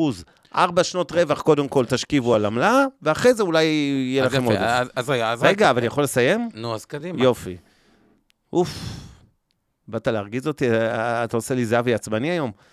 בוא, אה, נקודה חשובה נוספת, זה בעיקר הזוגות הצעירים. אתה יודע, מדברים על ביקוש, ביקוש זה נורא יפה, אבל יש הרבה אנשים שמה לעשות, פשוט לא יכולים להרשות לעצמם, זה אחוז גדול מהחברה הישראלית, שאין להם את ההון העצמי, פשוט אין להם טכנית. דירה עולה 2 מיליון שקל, אני מדבר בהכללה ממוצע בישראל, אין להם את הכסף, אין להם לא את החצי מיליון, ולפעמים גם לא את ה-250 בשביל לקנות בפריפריה דירה במיליון. פשוט אין להם את הכסף לזה, ואו הם לא יכולים לעמוד בתשלומי משכנתה של 750 אלף משכנתה על ההון של 250, שגם חלקו הלוואות ממשפחה ואחרים. וזה פשוט אנשים שמקבלים בצער רב החלטה או לשכור דירה, או להישאר עם ההורים עוד איזה שנתיים, שממש לא רוצים לעשות את זה, ופשוט אין להם אופציה אחרת במחירים האלה, וגם את זה צריך לזכור. ושוב, משכנתאות דיברנו כבר, התייקרו מאוד. האלטרנטיבות בחו"ל, צריך גם את זה להגיד, אוקיי? אה, גם אם מישהו רוצה להשקיע בנדל"ן, אני יכול להסביר מצוין למה דירה ב-6.5% באירלנד היא פי אלף יותר אטרקטיבית מפה. ואני אמצא לכם אותו סיפור בארצות הברית ובעוד נמצא הרבה אחר. מדינות אחרות, ש, שגם זה אין איזושהי סיבה. עכשיו, ואני רוצה להגיד עוד דבר על סטטיסטיקה. אנשים, יש להם טעות גסה, אסטרטגית, להניח שמה שהיה הוא שיהיה. אנשים מניחים, מחירי דירות לא יכולים לרדת לעולם. אם הם ירדו בניו יורק, וירדו בפריז, ובלונדון, ובסן פרנסיסקו, ובברלין, תאמינו לי, גם הדירות המרופטות של הבתים המשת... המתפוררים של תל אביב, עם ה-70-80 שנה, באמצע תל אביב, בדיזנגוף, בארלוזרוב ובבן גוריון, נכון. יכולות לרדת בעשרות אחוזים, בדיוק כמו שקרה בהמון המון מקומות בעולם. אז לא לעולם חוסן, אל תניחו שהמחירים יישארו ברמות האלה, ואני אז- אומר לכם, השוק לא כל כך טועה. אם שוק המניות הקריס את המניות של חברות הנדל"ן, זה לא אומר שאין סיכוי שהוא טועה, אבל יש איזו חוכמת המונים כזו. השוק מקדים את ההתפתחויות הריאליות במשק, אם שוק המניות מתמחר את המניות האלה הרבה יותר נמוך. ציטטת בעצמך את השלל דוגמאות של חברות שירדו בין לא, 30 זה- ל-70 אחוז. כנראה שיש בזה משהו, כנראה שהשוק באמת משוכנע שהפעם מחירי דירות הולכים לרדת, כי זה גם לא קרה בעבר. אפשר להגיד משהו? עכשיו אתה יכול להגיד משהו, ואז אני רוצה להתייחס, כי יש לנו עוד הרבה הערות מהקהל. אוקיי, היום. אז רק דבר אחד. אני אגיד לכם בשורה התחתונה, אנחנו באינבסטור, חברת תכנון פיננסי, כל דבר יש פילוסופיה. בפילוסופיה שלנו היום, גם פילוסופיה, גם אסטרטגיה וגם טקטי. כן. דירה להשקעה, דירה שנייה, אנחנו נגד, כי אני חושב שהטיעונים שאבנר ציין פה, הם גוברים. כלומר, מה שמשנה את המשוואה לגמרי, זה חוץ מהמחיר שאפשר להגיד שהוא גבולי, זה הנושא של המס רכישה, שפשוט הופך את רוב העסקאות לפחות כדאי. כלכליות, וצריך לקחת בחשבון שציבור המשקיעים הולך להתייבש, או שהוא כבר התייבש. לתפיסתנו, זה תחום שמשקיעים יצאו מהשוק, אין מי שימכור. עכשיו, יש דינמיקה של שוק, שאני קורא לו שוק בקיפאון, אוקיי? שוק שכיר שמשהו זה זה, הוא מעניש מאוד חזק. שוק לא שכיר, פתאום אין באמת מחיר שוק. מה הכוונה? מי שלא חייב למכור, לא מוכר, נכון. ומי שחייב למכור, נותן הנחות משמעותיות. ואני אתן נכון. לכם את הדוגמה הכי יפה בעולם. יש מניה שנקראת אדרוב, שהיא חברה לא כל כך שכירה, לא ייכנס למה לא שכירה, אבל הבעלים מחזיק שם הרבה וכו'. ובאו החבר'ה מישראל קנדה, שזו חברה ממונפת בעצמה, מכרו לו מניות. והם כן, קודם. מבינים, קנו מניות, מבינים שכרגע הם בבעיה תזרימית כזאת או אחרת, ומכרו 7% ממניות אירופ, תמורת 285, במניה מיליון שכירה, שקל, כן. שימו לב, ב-22 אחוז הנחה על מחיר השוק. וואו. עכשיו, אי אפשר להגיד על החבר'ה מישראל קנדה שהם לא מבינים נדל"ן, לא מבינים עסקים, זה אנשי עסקים חרפים שפשוט לקחו מינוף יתר, ואיך אומרים, כאילו, ונמצאים בבעיה תזרימית ונאלצו למכור את המניות, כי הם בעצמם עם ריביות, מה שאמרת, חלק יקראו לזה חוץ-בנקאי, חלק יקראו לזה נדל"ן, אה, ריביות מאוד מאוד מאוד גבוהות, הסתבכו. כן. אוקיי, בצורה כזו או אחרת, ושוב, זה לא אה, המלצה, שאתה לא קצת יודע, מגזים, אני לא... כן, זה כרגיל לא המלצה, לא הזכרנו פה את... לשורט. על מניה ולא ללונג על מניה. רק אני אומר, שורה תחתונה, נכון לכתבה שהתפרסמה ב-22 לראשון 2023, כלומר לא מזמן, יומיים? מכרו בדיסקאונט של 22 אחוז נכס שהוא לא שכיר בהגדרה. נכון. מה אני בא ואני אומר? ובגלל זה אני אומר, דווקא בתקופות שבהן המקרו הוא נגדכם, יש שני מאפיינים של דירה ראשונה שאין בשום השקעה אחרת. אחד, המס רכישה הוא ממש לא מה שאבנר אמר. בדירה של 2 מיליון שקל, המס רכישה הוא אפס, אוקיי? דירה ראשונה, אני מדבר על דירה להשקעה. כן. דיברתי לא, על לא, המשקיעים, אמרתי שנייה. שהמשקיעים שקונים דירה להשקעה, עזוב, אבל זה... משלמים לא, שנייה, ארבע. שנות שכירות, מה לא נכון? זה אה, נכון? בסדר, אבל. הנקודה היא ככה, ברור, בוא, עזוב, אף אחד לא... אין כמעט אנשים היום עם דירה ר- ראשונה, שנייה, אה, שזה, שמחפשים את הדירה ראשונה, את השנייה, תודה לאל. או את הדברים האלה, אז בוא, זה דיון היפותטי, לא צריך להיות גאון הדור, שאתה לא קונה ב-10% מס, 8% זה עורך דין וזה 10% מס רכישה, נכס שנותן 2.5%, שהמשכנתה היא 5. נכון. אבל מה מסוכן בשיח המתלהם הזה, האנטי-הנדל"ני, כמו שאתה אומר את זה? שזה לא רק ציבור המשקיעים שהוא יותר מתוחכם, אומר, טוב, אני לא אקנה את הדירה הש... השנייה שלי, זה מגיע לאוזניים של ציבור צעירים. הזוגות הצעירים. שמפוחדים. גם ככה, וגם ככה קשה להם לקבל החלטה, ויש חוסר הסכמה בבני זוג, אוקיי? ופה הם צריכים בהירות. ואני אומר למי שנמצא בסיטואציה הזאת, אמא, אבא, לילדים, זוגות צעירים, שמקשיבים עכשיו ומקבלים את התחושה שנדל"ן בישראל לפני התפוצצות, או זוג צעיר שמקשיב עכשיו, אני אומר לכם, דווקא בתקופות לא טובות, בדיוק כמו שישראל קנדה נאלצו למכור נכס ב-22% אוי, עוד הנחה, אתה תסביר לנו שיש דירות מתחת למחיר שנייה. השוק. יהיה, יהיה, וכבר אוקיי. יש הזדמנויות במחירים יותר טובים.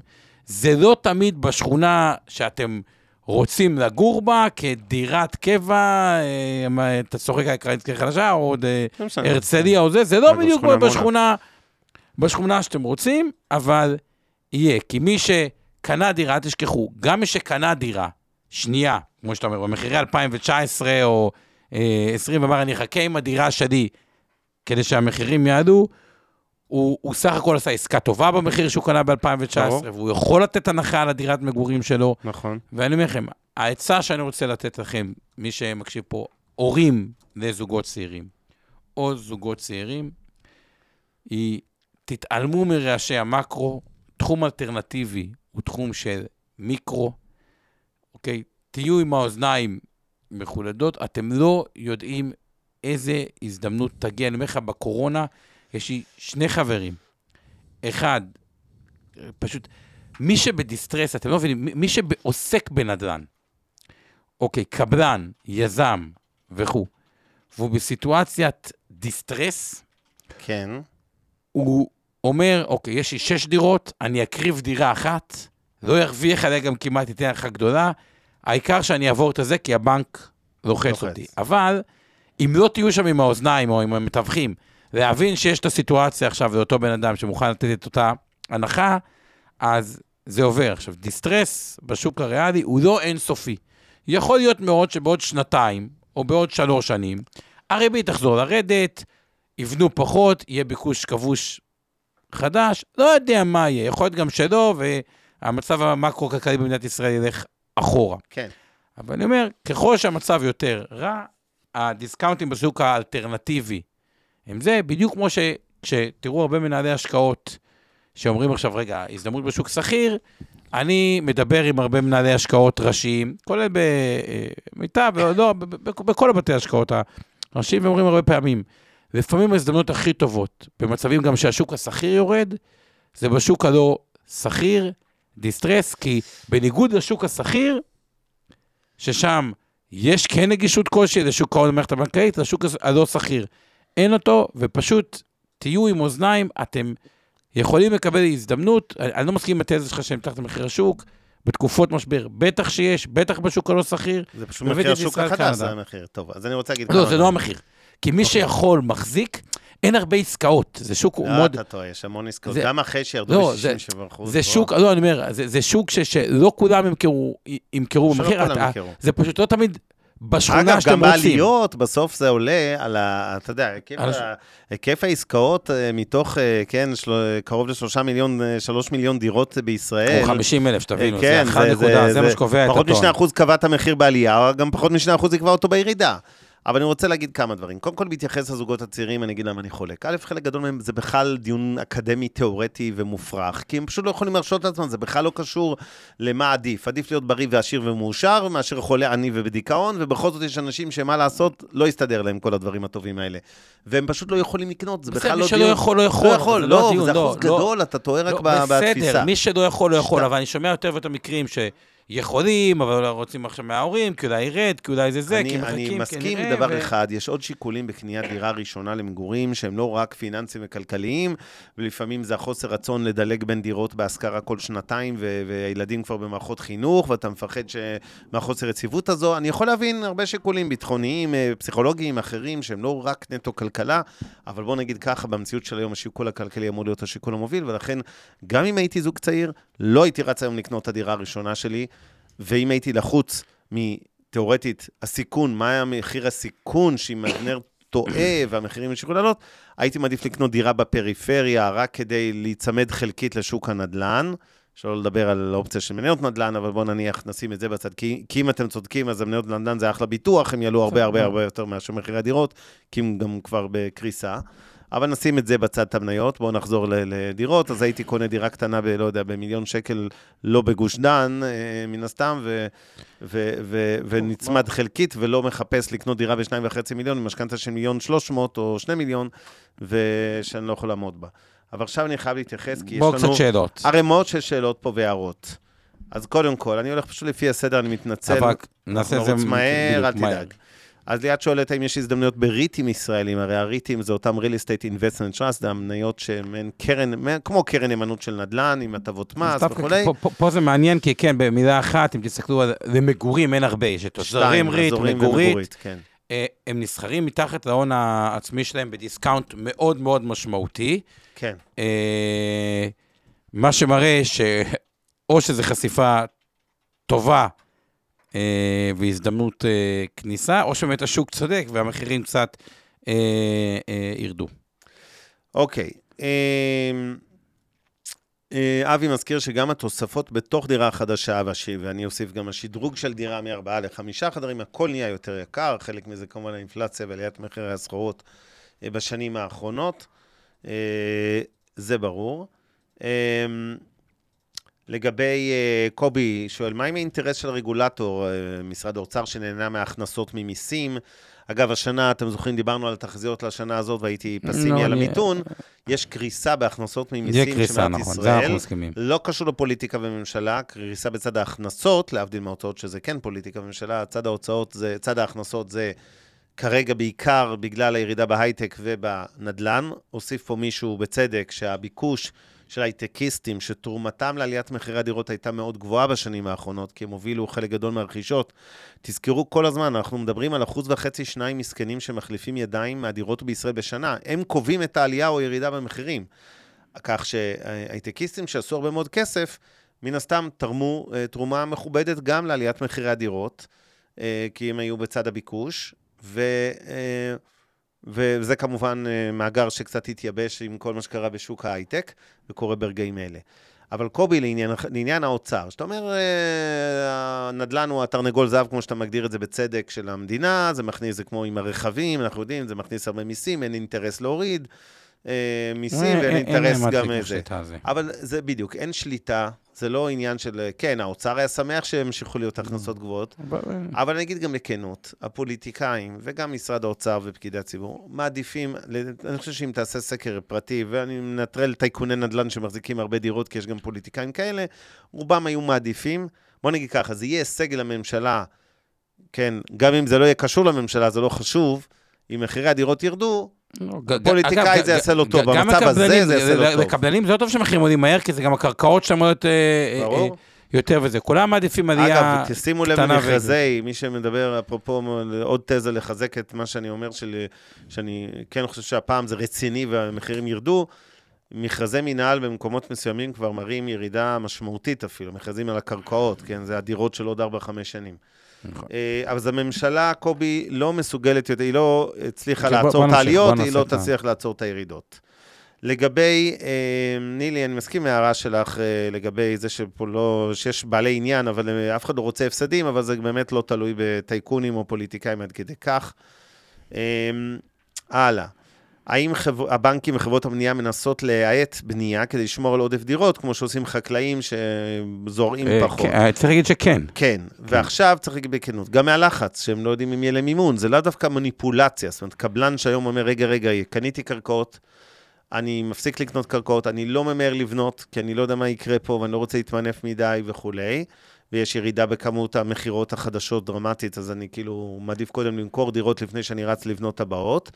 זה גורם שבהחלט יכול למתן ירידות, כי, כי אם דיברנו על זה שיש קצת עודף היצע לראשונה מזה הרבה מאוד שנים, בשנתיים האחרונות זה יכול להפוך את המגמה, שהרבה קבלנים יחליטו, רגע, בגלל מצב והמיתון וכולי, דווקא לעצור את הבנייה, וזה יכול כן לצמצם את ירידת המחירים. אבי מזכיר שיש פה קבלנים שהולכים לתוך אה, חצי שנה לחדלות פירעון, אכן, יש גם כאלה. אה, לא, הם מעטים, אני לא רוצה לעשות פה אה, פאניקה, אני לא חושב שרוב הקבלנים הולכים לפירעון. אני לא רוצה, יש כל מיני שמות שעולים כרגע בבורסת הזה, אני קצת פחות פסימי לגבי הקריסות של הקבלנים. אני עדיין חושב שמחירי דירות ירדו, אבל אני חושב שיש איזו הגזמה בפסימיות לגבי זה שקבלנים... אה, אה, יאכלו אותה בצורה קיצונית ויפשטו רגל, תמיד יהיו גם כאלה, אבל אה, בואו, זה לא, זה לא תהיה מסה משמעותית בעיניי. לגבי נדל"ן בפריפריה, טל, אני חייב להגיד משהו. אני עוקב אחרי השוק בבאר שבע עוד משנות ה-90. שהדירות הסטודנטים שאתם מכירים, דוגמה טובה לפריפריה. בגדול, כשיורד גשם בשוק הנדל"ן, כולם נרטבים. מה שירד הרבה יותר תהיה תל אביב, קריית אונו, רמת גן, גבעתיים, פתח תקווה והמרכז, אוקיי? זה תמיד אה, עובד ככה. אה, אני חושב שהירידה בפריפריה, כמו שהעלייה הייתה יותר מתונה, גם הירידה תהיה יותר מתונה. המקומות שהובילו את תהליך עליות המחירים בעשור האחרון הם גם אלה שיובילו את הירידה, זה תמיד ככה, אגב, זה נכון לכל שוק, לשוק מניות, לשוק אג"ח, וגם לשוק הנדל"ן, גם אם נדמה שהוא אחר, הוא לא באמת אחר בהקשר הזה. אה, אז לא נראה מצב של ירידות בגוש דן ועליות בקריות או בבאר שבע. זה לא תרחיש ריאלי. עוד משהו שאני חושב שאמרת כן. שהוא פשוט לא נכון מבחינה תכנונית. דבר. אז אני חייב להעיר על זה. תעיר. אתה אמרת, אני חושב שיותר נכון אה, לקנות באזור הפריפריה. עכשיו, לא, מה? אני חושב שלא נכון בכלל לקנות. בכלל, אבל אם כבר מישהו רוצה דירה ראשונה... אם אתה רוצה, מבחינת ניהול סיכונים, להיצמד חלקית לנדן, אז עדיף שתקנה בפריפריה. אז, אז, אז הניהול סיכונים הזה, לתפיסתי, הוא ממש טעות. שכל אחד יקנה, כן. אוקיי, פחות או יותר, באזור כלשהו שמצמיד אותו לסיכון. כלומר, אם הוא רוצה לגור אי פעם באזור גוש דן, סתם בהרצליה, זה לא משנה אם הוא יקנה בראשון, פתח תקווה או הרצליה עד כדי כך, כאילו, שיחפש את העסקה הכי טובה, אבל אם הוא קונה בפריפריה, זה לא בהכרח מגדר לו את הסיכון, כי יכול להיות שהוא נפל דווקא לאזור שעלה פחות או שפחות, כאילו, הוצמד. אז מבחינה טכנולוגית, פחות אתם מגדרים, אה, ובואו נודה באמת, רוב ההתחדשות העירונית, ששם זה אזור אחד של עסקאות יותר טובות, גם יש את הקבלן, היא נמצאת באזור המרכז, אבל שוב, בעולם האלטרנטיבי אני מאוד מאמין בגישת מיקרו, אז אם יש עסקה טובה גם בפריפריה זה אחלה, פשוט ההצמדה היא פחות הצמדה אמיתית, היא פחות מגדרת את הסיכון האמיתי. תמשיך. אוקיי, okay, יש פה, אני, אני מתאם הערות שבדה פקטו התייחסנו להערות, חלקן, אה, כבר תוך כדי. מחיר הקרקע בארץ, יואב אומר, הוא יקר מאוד, וזה כמובן משפיע על מחיר הדירות, ואם יוזילו את מחיר הקרקע, מי שינום את זה הקבלנים בלבד.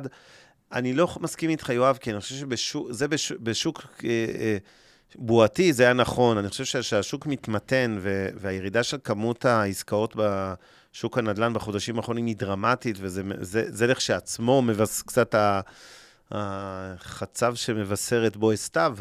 אה, אני חושב שגם פה... אה, אנחנו נראה, ההנחות האלה, אם יהיו כאלה, אם המדינה תחליט שהיא, כן, לא רק מבחינת אה, אה, היצע וביקוש של מכרזים, אלא באופן יזום מורידה מחירי קרקעות, הקבלנים ייאלצו לגלגל את זה לדיירים, כי, כי זה יהיה בשוק כזה שלא תהיה ברירה, זה עניין של היצע וביקוש, והשוק עובר משוק של קבלנים לשוק של קונים, אוקיי? נכון. שהופכים להיות היותר אה, אה, זה. אה, אלרועי, יכול להיות ששאלו, אבל היו לי איזה בעיות קליטה, האם בימים אלה של ריבית גבוהה בבניית בית, עדיף לקחת משכנתה או להשתתף או להשתמש ביתרות אה, קיימות בפקדונות סולידיים שונים? שאלה מצוינת, אלרועי, ואני אגיד. תשתמש כן, בפקדונות. תשתמש בכסף מהסיבה, תראה, אין שום מציאה, נהפוך הוא בשוק המשכנתאות. היום לקבע משכנתה ל-20-30 שנה בריביות שהן כמעט שיא של 20 שנה, זה דבר לא הגיוני לעשות. גם יש לך לא- קנס לא... פירעון מוקדם, גם על הפיקדון עצמו אתה תקבל פחות מהריבית על המשכנתה, וגם, uh, תזכור, גם על הפיקדון, תוריד 15%, נגיד אתה מקבל 4, זה לא באמת 4, כי יש 15% מס. עכשיו, מעבר לזה שהבנקים בדרך כלל ממילא דורשים שתזרים קודם את ההון העצמי לפני שהם מביאים לך הלוואה, את המשכנתה, למרות שלפעמים אפשר לעשות איתם איזה עסקאות סנדוויץ' כאלה, ש... היברידיות. אני אגיד גם עוד דבר, מבחינת ניהול סיכונים, זה לא שאני בטוח שהריבית המשכנתאות תרד בעוד שנה או שנתיים, כשאתה באמת תהיה חייב כבר לקחת משכנתה, אבל כשאתה מראש במצב שהריבית היא מאוד מאוד גבוהה, הסיכון להמשך עליית ריבית המשכנתאות, אל מול הסיכוי לירידה, הוא אסימטרי. כלומר, אני יותר יכול לדמיין ירידה של מחירי הריבית המשכנתאות בעוד שנה-שנתיים, ולכן נראה לי שלקבע משכנתה במחירים של היום זה לא כל כך הגיוני, אין פה שום uh, מבצעים או uh, הנחות בריבית על משכנתה. אמ, יואב אומר, כן, קבלנים פשטו רגל כמו בכל סקטור שעובר אה, תקופות משבר, כמו שזה קורה בהייטק, כמו שזה קורה בכל מיני ענפים אחרים, זה נכון בגדול. אני פשוט חושב, אני לא יודע אם האחוז יהיה זה, אבל אני חושב שיש איזו אווירה טיפה היסטרית מדי לגבי אה, פשיטות רגל של קבלנים. אה, יהיו כאלה גם, אבל אני חושב שהן יהיו מצומצמות יחסית. דני אומר למשקיעים יש אלטרנטיבה הרבה יותר טובה בשוק ההון ובנדל"ן בחו"ל, אני מסכים. בסדר, אחלה, למשקיעים. לגבי ריטים, ליאת, כן, אה, ריטים, אז חלקית כבר התייחסנו, אז אני לא יודע אם זה היה לפני או אחרי, אבל אה, בהחלט, כשריט למגורים בארץ או בחו"ל נסחר עמוק מתחת לשווי הנכסי שלו, כן, אז כאילו יותר זול מלקנות דירה מתחת למחיר השוק. אבל שוב, זו לא המלצה לביצוע פעולה בריט. זה אגב עוד אופציה לגדר, מי שרוצה לקנות דירה ואומר, אני... אני בלחץ מהמחירים האלה, יכול להיות שעדיף לו גם לפזר על כמה ריטים, זה גם חלק מהגידור של הצמדה חלקית לשוק הנדל"ן, בלי באמת לקנות את הדירה במחירים של היום. אמ, לגבי אה, נילי אומרת שצריך החלטת ממשלה מתחמים מיועדים להשכרה לטווח ארוך בשכירות נורמלית. אני חושב שאת צודקת בהחלט, אני קצת סקפטי אם זה יקרה, אבל סבבה, הלוואי. אה, דירות בחו"ל. דירות בחו"ל, אני חושב אה, שרוב האנשים לא צריכים לא להתעסק לא עם קרקעות חקלאיות, זה בטוח בישראל, וגם פחות עם דירות ישירות בחו"ל. הרי אתם לא... רובכם לא טייקוני נדל"ן שיכולים עכשיו לא, לפזר לא, על לא, 20 לא, דירות וזה. יש קרנות של נדל"ן, יש ריטים של נדל"ן, לא ניכנס פה להמלצות ספציפיות, ו- ולא חסר איך להיחשף לנדל"ן שאני... בחו"ל בלי להחזיק ברזלים וקירות. זה עוד מה שאני לא מסכים עם אבנר, רק את ההערה שלי. ואז רגע, אבנר, בגלל שיש עוד קצת הערות, אני כן רוצה שניתן את ה... אה, דקת סיכום שלך, דקת סיכום שלי, ואז נמשיך להערות. תן לי לגמור את ההערות, אנחנו כבר לקראת הסוף, ואז... אוקיי, אבל למה דירה להשקעה בחו"ל, אנחנו נגיד באינבסטור, כן מאוד מאמינים בזה. כן. בסופו של דבר, בית חדש מקבלן בארצות הברית, באזורים שהם בסדר, נותן באזור ה-7 אחוזי תשואת שכירות.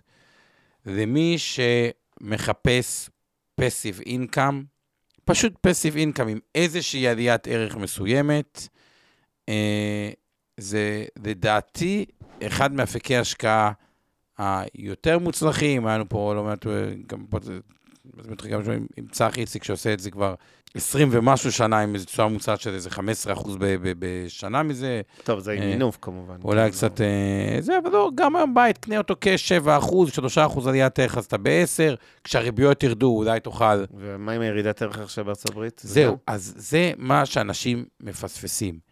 כשהשוק הוא טוב, זה בדרך כלל כי הריבית נמוכה, ואז השגתם שתי נכסים. אחד, שני. שני נכסים. וזה מה שאנשים מפספסים, שהריבית, שאתם לוקחים נכס בשוק טוב, יחסית ריביות נמוכות, קיבלתם ריבית מאוד מאוד נמוכה, נמוכה ריביות של 2, 2.5, 3, זה מה שהיה הריביות על משכנתה, שזה כשלעצמו נכס. כשהשוק הוא רע, ואנחנו רואים את זה גם בארצות הברית היום, מקבלים הנחות אמיתיות מקבלנים שלפעמים אה, משמעותיות. אז זה כן מתאים למי שיכול להביא טיפה יותר הון עצמי, או לא ממונף בכלל, אבל אז מקבלים הנחה אמיתית, ופשוט, מי שלא יכול להרשות לעצמו והוא גבולי, אז אין לו מה להיכנס לזה, אבל מי שיכול, זה הזמן, מי שדווקא הוא שחקן שחיכה כי הוא שמרן, כי הוא עם הרבה קאש, כי הוא דברים כאלה, דווקא אז יש הנחות שהן הנחות אמיתיות. גם בדירות להשקעה בחו"ל שאתה מקבל את התשואה 7, וגם בארץ. טוב, אז אה, קודם כל, אה, העירו לנו פה על נושא התשתיות בכל ההתחדשות עירונית וזה, שלא... אה, אני חושב, בוא נגיד, שזה נכון, הערה נכונה, רואים את זה ברמת גן הרבה וכולי, אישרו בעבר כל מיני מגדלים, ועוד בראשי ערים שקדמו לנוכחי, שהוא כנראה הרבה יותר טוב מקודמיו, אבל עדיין עשו שם בעיה... אה, קשה, אם לא תמיד אה, שמו מספיק אה, לתשתיות תחבורה נכון, ואחרות, נכון, וביוב וזה, ו- נכון. וזה גם מייצר בעיה. בעיה נכון. יוסף פרקה שואל שאלה מאוד חשובה שרלוונטית מעט אנשים. אנשים שצריכים, רוצים לשדרג דירה, צריכים לשדרג דירה, משפחה גדלה מארבעה, אומרים, אתה מציע לי קודם לקנות, למכור ואז לקנות? אני אומר, חד משמעית כן. מבחינת ניהול סיכונים היום, אני באמת חושש שיש אנשים שייתקעו בזה שהם התחייבו לקנות דירה, חתמו עם קבלן או קנו דירה יד שנייה, לא מכרו את הבית כי יש להם הרגשה שעדיף להם לחכות, כי נכון. בטח נרוויח עוד איזה 3-4 אחוז בעלייה, ואנחנו לא חייבים למכור עכשיו, אנחנו יכולים למכור עוד חצי שנה או שנה, אז נחכה עם המכירה. זה כבר מתחיל להיות אסטרטגיה מסוכנת מדי, ופה אני מדגיש את צמד המילים ניהול סיכונים. מאחר ואתם לא יכולים, מי שלא יכול להרשות לעצמו להחזיק באמת שתי דירות לטווח ארוך, כי הוא באמת חייב למכור, למכור אחת בשביל לקנות את השנייה, אז חד משמעית תמכרו קודם את הנוכחית שלכם, ואחרי זה תתחייבו על העסקה החדשה, ולא הפוך. במיוחד כשאני מצרף לזה את מחירי המשכנתאות המטורפים, כי גם אם תקבלו משכנתה מוגדלת זמנית, כי אתם לא מצליחים עוד למכור את הדירה הישנה, וכבר חתמתם על החדשה ושילמתם עליה, אתם נענשים פה דאבל, אתם לא רק מסתכנים במה יקרה בשוק הדיור, וכרגע הפנים נראות פחות אה, מהירות פנים, אלא אתם מסתכנים במשכנתה, okay. כן. אה, אה, בהחזרים קודם, מטורפים. קודם כל, זו שאלה ממש טובה, סוגיה סופר מעניינת. מה אני עושה כשאני רוצה לשדרג דיור עם הדירה הנוכחית, ואני מסכים חלקית עם אבנר. יש, אני, מה שאנחנו ממליצים בכזה מצב לאנשים, רק את הדבר הבא של שדרוג דירה, כי זה חשוב, okay, כן. כן. זה בואו תסבירו את טיב העסקה שאתם רוצים ללכת עליה. עכשיו, אם טיב העסקה הוא טיב עסקאות שקונים ומשלמים 20% עכשיו ו-80% בסוף, והבסוף הזה הוא עוד שלוש שנים או ארבע שנים, יש פה דילמה, כי כאילו, לא בטוח שהייתי אה, מוכר. אם בדירה יש איזשהו משהו שאמור לקרות, טריגר שאמור לעשות עליית מחירים אה, בדבר הזה, גם צריך לבחון מבנה לגופו. ככל שהדירה הנוספת היא יותר מתקרבת, כלומר, אתם פשוט מתחילים לקנות דירה, ואז יש לכם את ה-18 חודש למכור, ואתם גרים בדירה רגילה, בניין, מגדל, לא משנה מה, בלי איזה טריגרים מיוחדים, לגמרי, עזבו, תקשיבו, מה שאבנר אמר גם בניהול סיכונים, זה דבר שהוא נכון, אבל גם פה לא הייתי עושה גורף זה כל מקרה לגופו, אבל עיקר, עיקר הנטייה היא להסכים. בוא אוקיי, נמשיך. עוד שתי שאלות חשובות בעיניי. אחת של? יונתן, במצב הנוכחי, עדיף לי לקחת משכנתה עם החזר נמוך ל-30 שנה, כאילו לפרוס, או הפוך, לקצר ולקחת את זה. לקצר. חד משמעית לקצר, יש פער גדול בין הריבית ל-30 שנה, שתהיה במשוקלל, להערכתי, באזור ה-4.5%, אם אני אשקלל את כל הקל"צ והפריים, כל המסלולים השונים שתיקח. אמ, אגב, ו- את המשכנתה כך, כשאומרים לקצר, זה לא בהכול. את הפריים תמיד 30 שנה, כי אין שם בדיוק, פנלטי, ואת הקבועות, ואת הקל"צ, קל"צ את הקל"צ לטווח תנסה כמה. שיותר שאתה יכול להחזיר. עדיף קצת לחנוק את עצמך. לחנוק וזה זה, ותמיד בדיוק. תזכרו גם, יש לכם את ההפתעה בקרן השתלמות, שאתם לא מרגישים את זה בשוטף, אבל נצבע שם עוד. דברים שאפשר... במידה ותהיה, משה, במידה ותהיה ירידת מחירים, איך קבלן מתמודד עם ירידת מחיר של דירות באותו בניין, מגדל, מבחינת אלה שקנו יותר יקר? אתם זוכרים מה קרה השבוע עם טסלה? נכון, שבוע שעבר הורידו את המחירים של רכבים חדשים בעשרות אלפי שקלים. מי שקנה לפני אכל אותה, נכון? כי הוא בבת אחת מחק עשרות אלפי שקלים מהאוטו שלו. אנשים עוד קנו זכויות. בוא, מי שקנה, קנה, אכל. אותה, לא יהיה כזה. אותו מי דבר, לא, שחדש... זה אותו דבר מה שיקרה עכשיו בבניינים, מה זאת אומרת? מה, זה יעזור לך? ל... הקבלן מכר חצי מהבניין במחירים של 22, ועכשיו הוא נשאר עם חצי מלאי לא מכור, והמחירים בשכונה ירדו, נניח, סתם נגוע רק אפילו בחמישה אחוז, הוא ייאלץ להתאים את הוא עצמו, אין מה. לעשות, אה, שוק משוכלל. אבל בוא תיתן את הדקה. ענינו- ענינו על הרוב, אז תן שנייה, לגבי בנייה עצמית צמודי קרקע, כמה בונים בשנה, אם זה משמעותי, לא, זה לא משמעותי, וגם המגמה היא מאוד להקטין. תראו את מכרזי המינהל, אין כמעט יותר את המושג הזה בית פרטי במדינת ישראל. מעט מאוד מכרזים יוצאים לבתים פרטיים, כמעט הכל בנייה רוויה, מה שנקרא דירות, מגדלים וכולי. מה לגבי מחירים של הבנייה, אני מניח שהתכוונת, האם גם שם צפוי לרדת? אני מעדיף כן, כבר היה ירידה.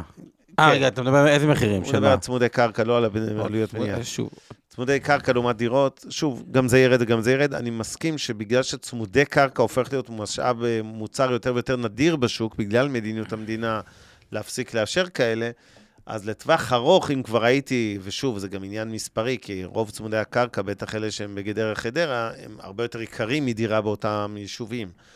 אבל בגדול הייתי מעדיף צמוד קרקע מאשר דירה, אם כבר להיות באיזשהו לא, אבל זה לא אותו נכס. מחיר, זה לא אותו נכס. מי שיכול לעשות לנו צמוד קרקע זה מחיר שונה לגמרי מדירה. טוב, יאללה, דקה לסיכום שלך, דקה לסיכום שלי. ו... יתחיל כבודו? יתחיל כבודו.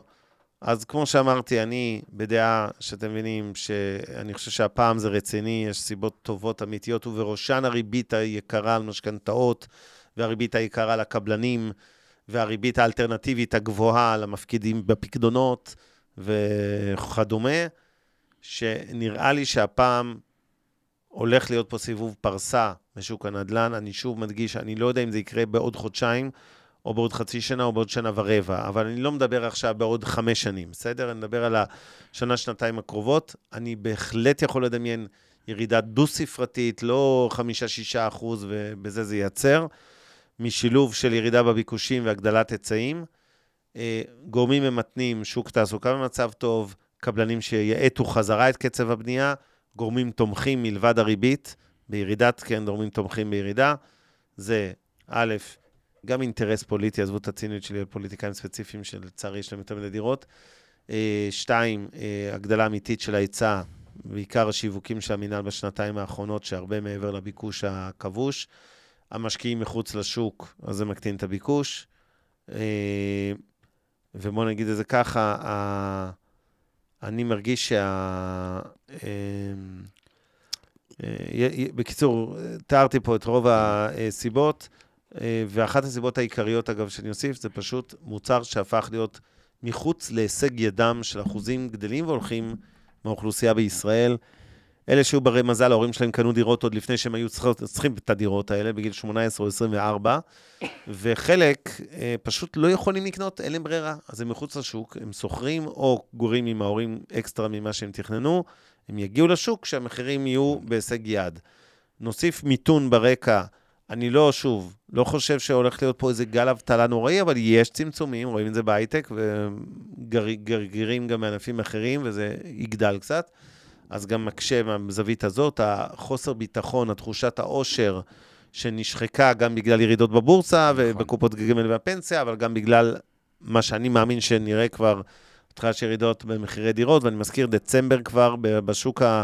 ננרמל את הדירות החדשות בלי כל המחיר למשתכן, דירה בהנחה וזה, מינוס 2.4 אחוז בחודש, זה פעם ראשונה בהרבה שנים, זה, זה לא מעט, זה עדיין חודש אחד ולא צריך אה, על בסיס זה לא לחגוג ולא להתאבל, אבל אני חושב שזה התחלה של מגמה של ירידות.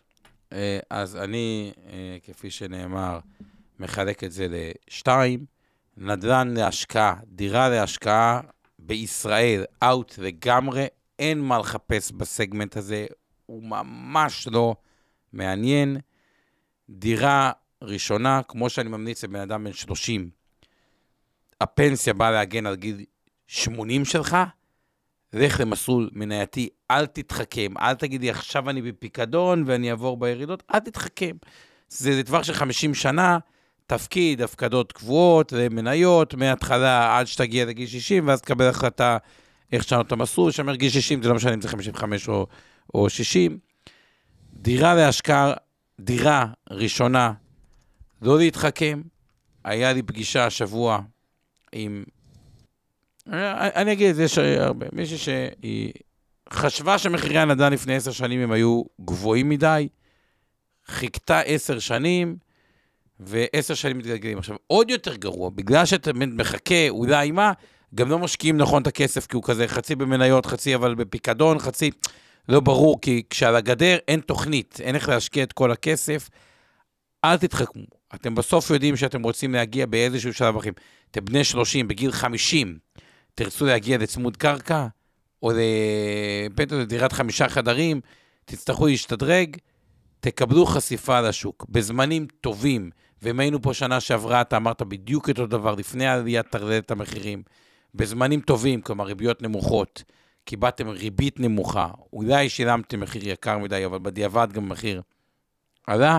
בזמנים לא טובים, כל תיאוריית השוק המשוכלל בנדל"ן היא הרבה פחות עובדת במבחן המציאות. אני אומר לכם, אם לא הייתי עוזר, והמון חברים בני גילי, זה בדיוק הגילאים שמדברים האלה, לקנות זה, יש מלא דירות שנמכרות מקבוצות, מירושות, מדברים מזה, יש דיסקאונטים משמעותיים למי שהאוזניים שלו פתוחות ומחפש. צריך להיות לא עצלן, ובדרך כלל זה לא יהיה בדיוק במקום מגורים שאתם גרים בו עכשיו. once נחלטתם ללופ, שני ילדים במקום ספציפי שלא רוצים לזוז משם, כבר אין לכם את היכולת הזו, כנראה שתעשו עסקה בינונית. טוב, אז נסכים שלא להסכים. שיהיה ערב טוב לכולכם, סליחה שחפרנו בלי סוף. אה, אני מקווה שבכל זאת הצלחתם להבין משהו מכל השיח הזה. אה, תודה לאורית טולדנו שיושב איתנו בפיק, תודה לשיר פלדמן שעושה את התמלול. אה, תודה לצוות שלך, עמי ארביב, אור חלמיש ואורן ברסקי, ואנחנו ניפגש פה, אתה תיפגש פה בשבוע הבא. תן לי לנחש. אני בטוקיו, ביפן, אז זה יהיה שלוש בבוקר, אני לא יודע אם אני אוכל לשדר משם, אני... האמת, תקשיב, מטוקיו עוד לא שידרת, בוא, שלוש בבוקר, מה אבנר? תהיה חרוץ, תהיה חרוץ פעם אחת. טוב, בוא נראה. בוא נדבר על זה. כן, אין נושא לעבודה, לא לכיף, אבל uh, יהיה מעניין. Uh, בסדר, אז אנחנו ניפגש עם או בלי uh, בשבוע הבא, ובכל מקרה ממשיכים, ותודה רבה רבה, וסליחה, שוב, עשינו את זה ארוך מהרגיל, אבל הכל היה טוב. לילה טוב לכולם. לילה טוב. מעוניינים ללמוד יותר על עולם ההשקעות? האזינו לפודקאסטים נוספים שלנו. המשקיענים, אבנר סטפאק ועומר רבינוביץ' בתוכנית אקטואלית עם כל מה שחם בעולם ההשקעות. אינבסטור 360 לייב, אורן ברסקי ועומר רבינוביץ' מארחים את בכירי שוק ההון ומבינים את הטרנדים החשובים לשנים הקרובות. להבין את סין עם יובל ויינרב, עם כל מה שרציתם לדעת על הענקית מהמזרח. השקעות להייטקיסטים עם צח איציק, שיבנה איתכם תוכנית כלכלית להגשמת החלומות שלכם, והפודקאסט ההשקעות למתחילים, לכל מי שעושה את צעדיו הראשונים בעולם ההשקעות.